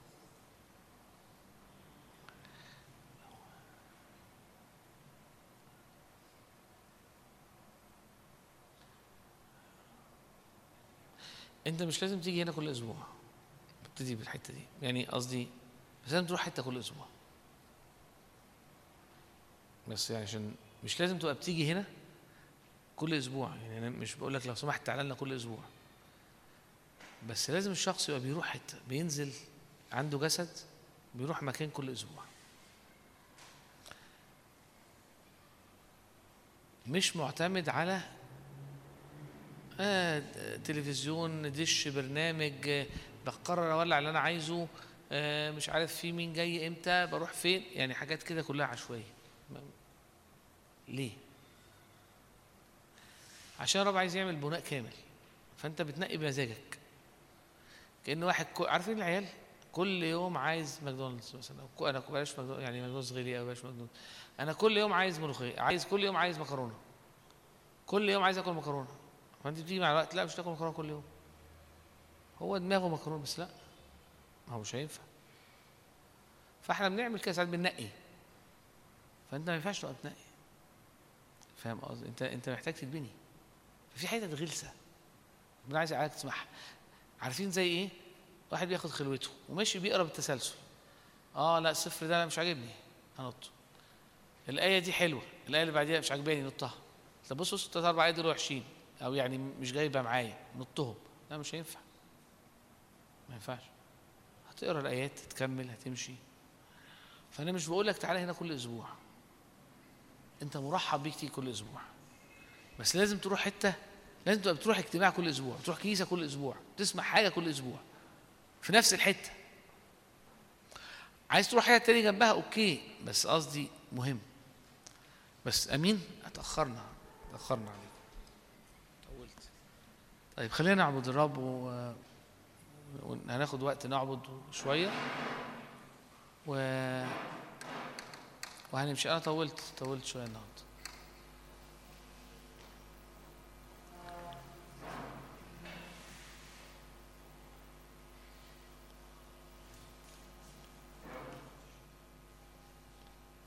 آه، معلش حد جرب يوضب بيته قبل كده أو يوضب بيت أو يوضب أوضة أو يوضب حاجة؟ يوضب بيت يوضب أوضة أي حاجة. تخيل كل يوم بتجيب مهندس مختلف يعمل لك البيت. يعني النهارده دخل لك واحد بكرة جبت مهندس تاني وبعد أو أو بتعمل حمام. كل يوم تجيب واحد مختلف بتاع سيراميك يعمل لك الحمام يطلع بايظ. أصل أنا شاطر قوي جبت سبع ما بحبش يعني بزهق فكل يوم بجيب سباك مختلف. حمام بايظ. يعني ما ينفعش. بمعنى بمعنى إنه كل أسبوع كل أسبوع كل أسبوع تروح مكان. لازم. النهارده يعني يمكن يعني النهارده هنختم كانوا متشكرين. في؟ التنام. آه. لا أنا هجاوب عليه ده بس من غير ال هقول لك ليه. ال- النهارده أنا كنت عايز أقول بس كام ملحوظة عن حاجات أنا شايفها بقالي سنتين سنتين ونص وما تحصل وكتير أبقى بتكلم عايز أتكلم عليها وأحس إني أوصل لها وأستنى. كنت فاكر الوقت هياخد أقل من كده. لكن يمكن أخد وقت طويل عشان أحاول أشرح النقط عشان يبقى فعلا في مرجعية للحاجات دي تبقى ترجع لحاجة وتفكر فيها. رب عايز يبني بناء قوي. عايز ياخدك حتة بعيدة. مش عايز حاجات صغيرة تكعبلك. فيمكن دي نقط صغيرة في الطريق ممكن تكون بتكعبل. حبيت أوضحها. أمين؟ نفسي نفسي نتدرب على اللي إحنا عملناه قبل الاجتماع إنه أشرف يبقى بيعزف موسيقى تبقى هادية. وأنت تعتمد على العبادة الشخصية بتاعتك. وآه يبقى في ترانيم. بس هتلاقي صوتك مسموع. يعني أنا عايزك أنت تبتدي حرك روحك ورا الرب. ارفع قلبك معايا. إحنا بنعبدك يا رب. إحنا بنعبدك إحنا بنرفعك.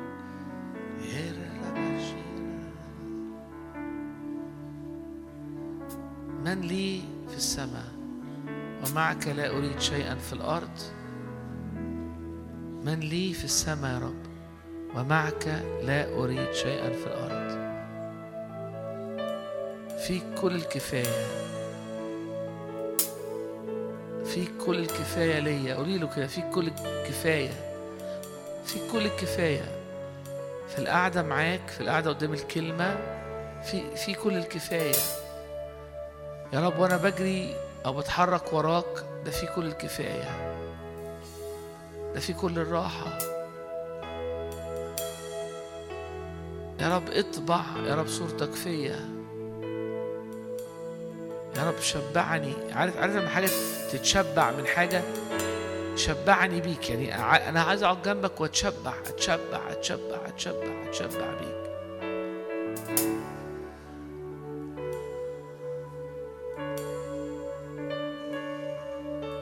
مش عايزين نجري نجري نجري ورا حاجات. ونمسكها تبقى سراب حتى لو سواء عالمية أو حتى شكلها كنسي أو روحي. عايزين نمسكك ولا نرخيك.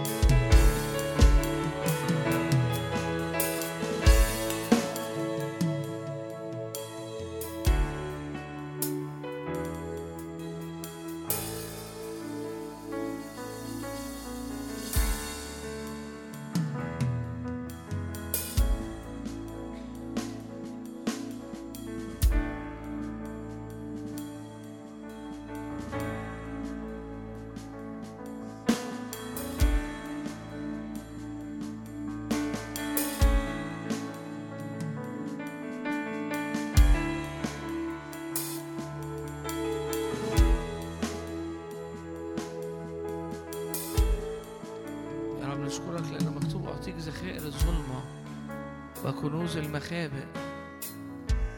أعطيك ذخائر الظلمة وكنوز المخابئ. هللويا. أعطيك ذخائر الظلمة وكنوز المخابئ. هللويا. لأنه لا بالقوة ولا بالقدرة. بل بروحي قال رب الجنود يا رب تدينا أمور مكنوزة. ذخائر الظلمة يا رب وكنوز مخابئ إلهنا يحملنا يحملنا يحملنا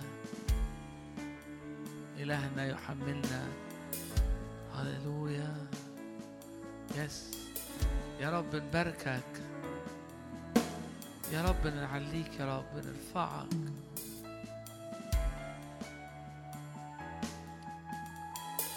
يا رب تديني يا رب مخابئ الظلمة يا رب كنوز ذخائر الظلمة يا رب وكنوز المخابئ.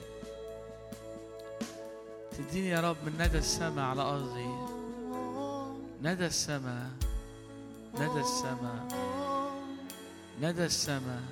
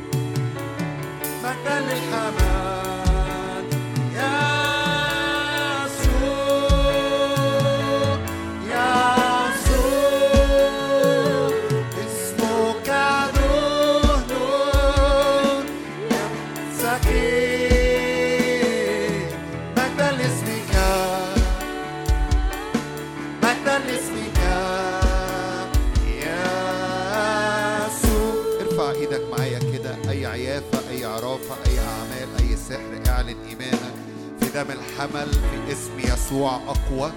مجرد إنك تعلن إيمانك إن الرب يحول لك اللعنة إلى بركة. فاعلن اعلن إيمانك بالمكتوب اعلن إيمانك بالحق الكتابي اعلني إيمانك الآن.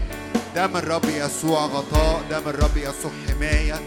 بالعام لما جه يلعن الشعب لا يستطيع أن يلعب الشعب. ليه؟ لأن غطاء مجد الرب على الشعب لأن ده شعب الرب. لأنك ابنه للرب وبنت للرب وايمانك وثقتك في دم الحمل دم يسوع.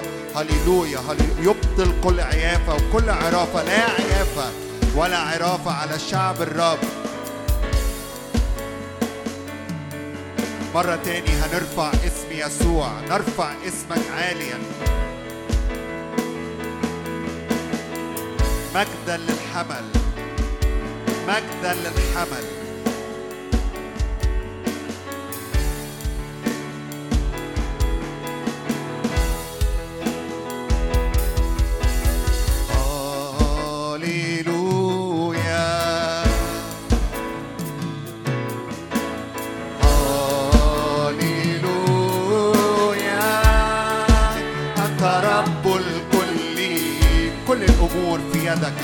الرب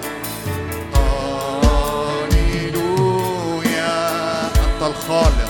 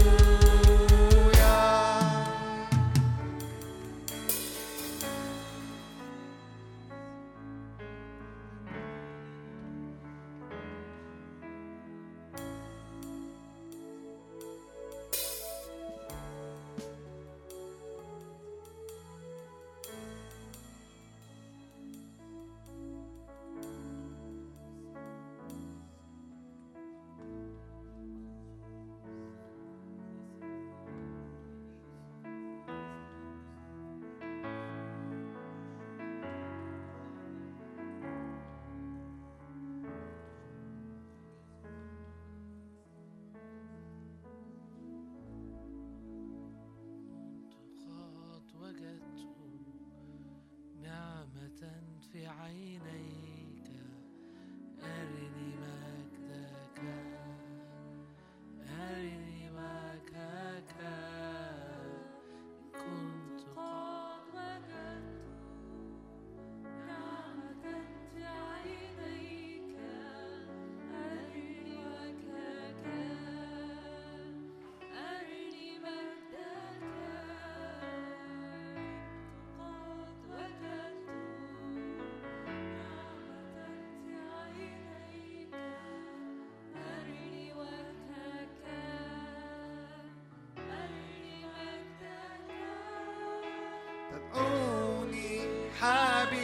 يدك تدعوني صديقك وكل ما في قلبك تريد أن تخبرني. تدعوني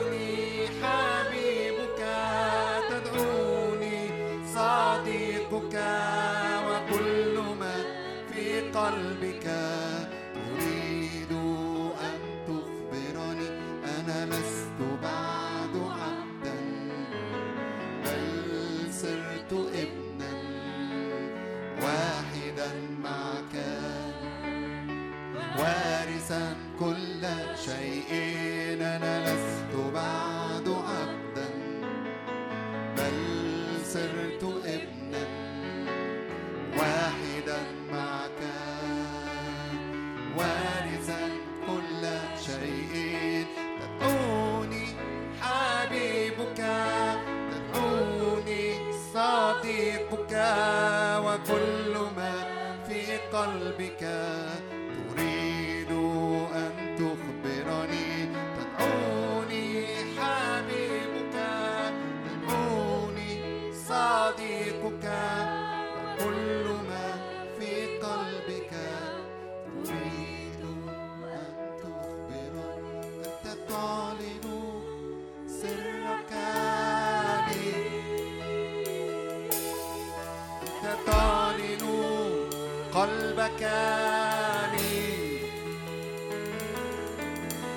Oh.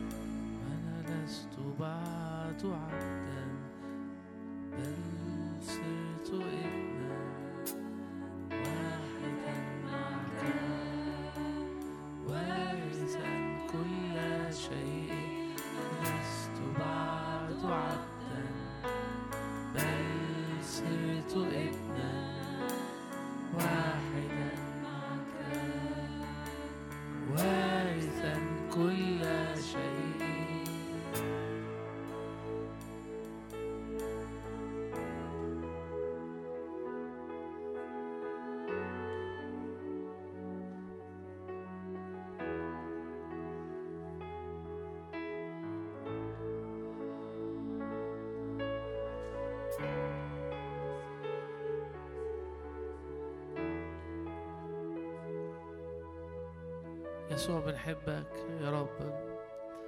يسوع بنحبك. ادينا جوع وعطش. اشعل قلب قلوبنا. اشعل قلبي يا رب. قولي له كده. قول له كده. اشعل قلبي. اشعل قلبي. عايز أحبك. عايز أتبعك. عايز ألتصق بيك. لست عبدا بل ابنا وارثا معك واحد. هللويا. يا رب نصلي عشان كل احتياج. نصلي عشان كل احتياج. كل ضعف كل مرض كل تعثر.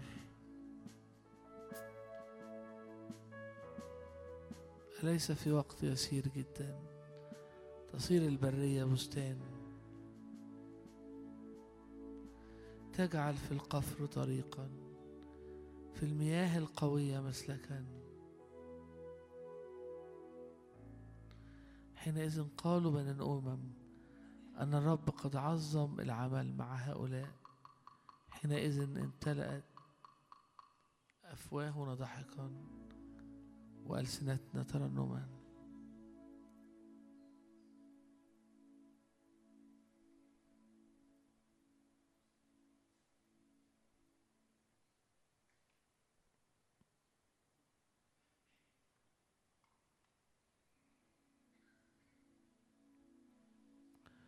تعالى يا رب رياح يا رب برياح الروح علينا يا رب في أوضنا وفي بيوتنا. تعالى يا رب تعالى بمية تعالى بمية يا رب علينا. استعلن يا رب وسطينا. أنر بنور وجهك يا رب علينا. أشرق. عايزين نشوفك عايزين نعرفك. عايزين نتغير إلى تلك الصورة عينها كامل الرب الروح يمكن كنت عامل حسابي نصلي مع بعض الناس يعني بس حاسس إن في دهنة تقيلة ممكن تاخدها بس بإنك تمد إيدك. دهنة دهنة تقيلة. مد إيدك معايا ومد إيدك. يا رب استقبل منك. دهنة دهنة طيبة. دهنة طيبة. أنا كل من يطلب يأخذ. من يسأل يعطى. من يقرع يفتح له. تحملنا رب دهنة. حاجة حقيقية حاجة يا رب حاجة تقيلة حاجة حقيقية.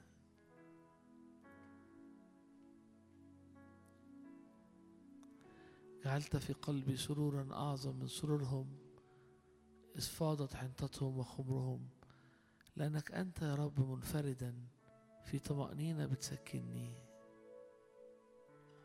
ما أعظم جودك الذي ذكرت لي رحمتك. يا رب أمانتك إحساناتك. عظيمة هي أعمالك ربي عظيمة هي أعمالك. ونفسي تعرف ذلك يقين. عظيمة هي أعمالك. إله أمانة.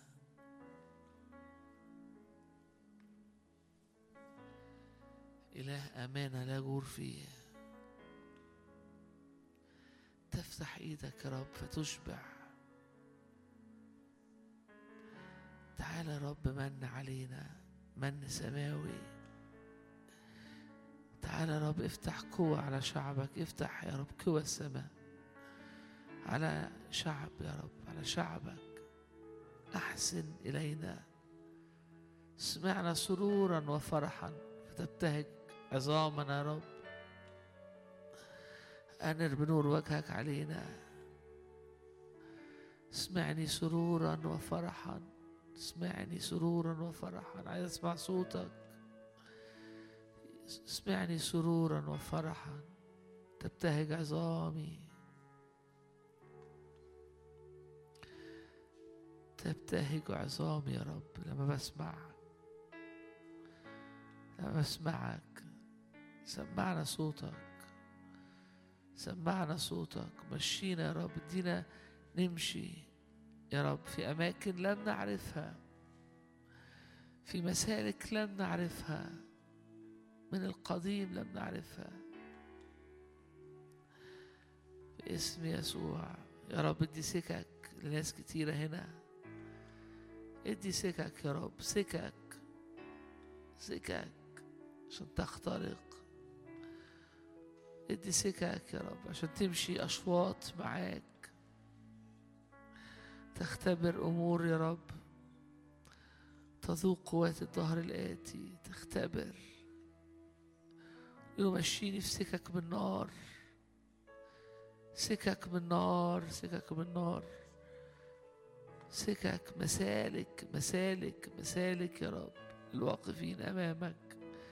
بين الواقفين أمامك مسالك. يمكن صار شكلها غريب بس اديني مسالك يا رب الواقفين أمامك اديني طرق من نار مسالك نارية. مسالك نارية. مسالك يا رب مسالك.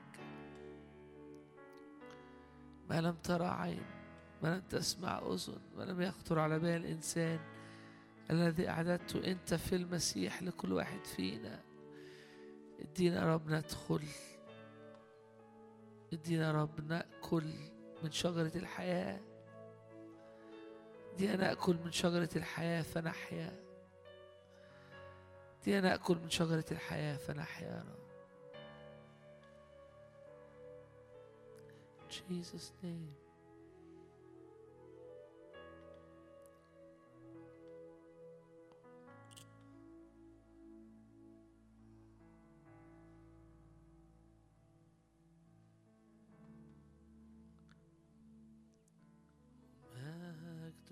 مجدك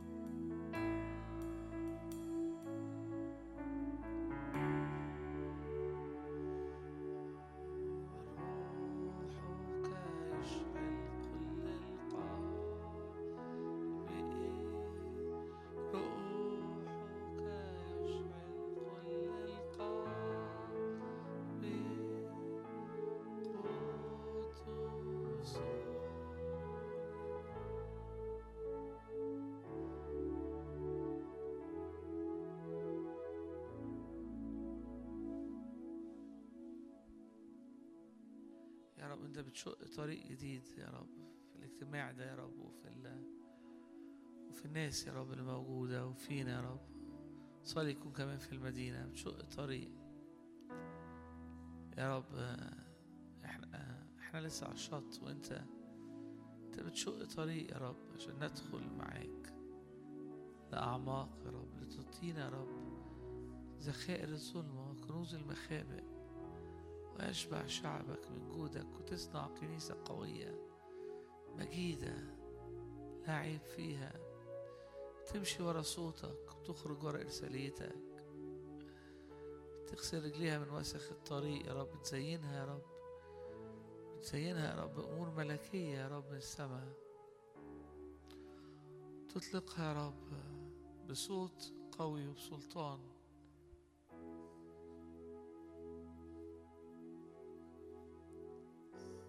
وقت يسير جدا تغير وجه يا رب الأرض. هللويا يا رب فعلا. مكتوب أنا الرب أنا لا أتغير.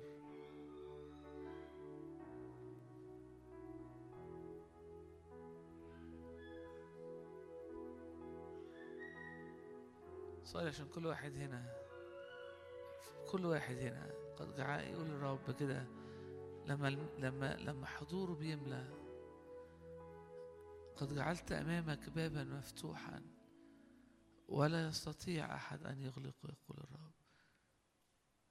إيد الرب عليك حضور الرب عليك ساعتها كلماته ليك قد جعلت أمامك بابا مفتوحا ولا يستطيع أحد أن يغلقه.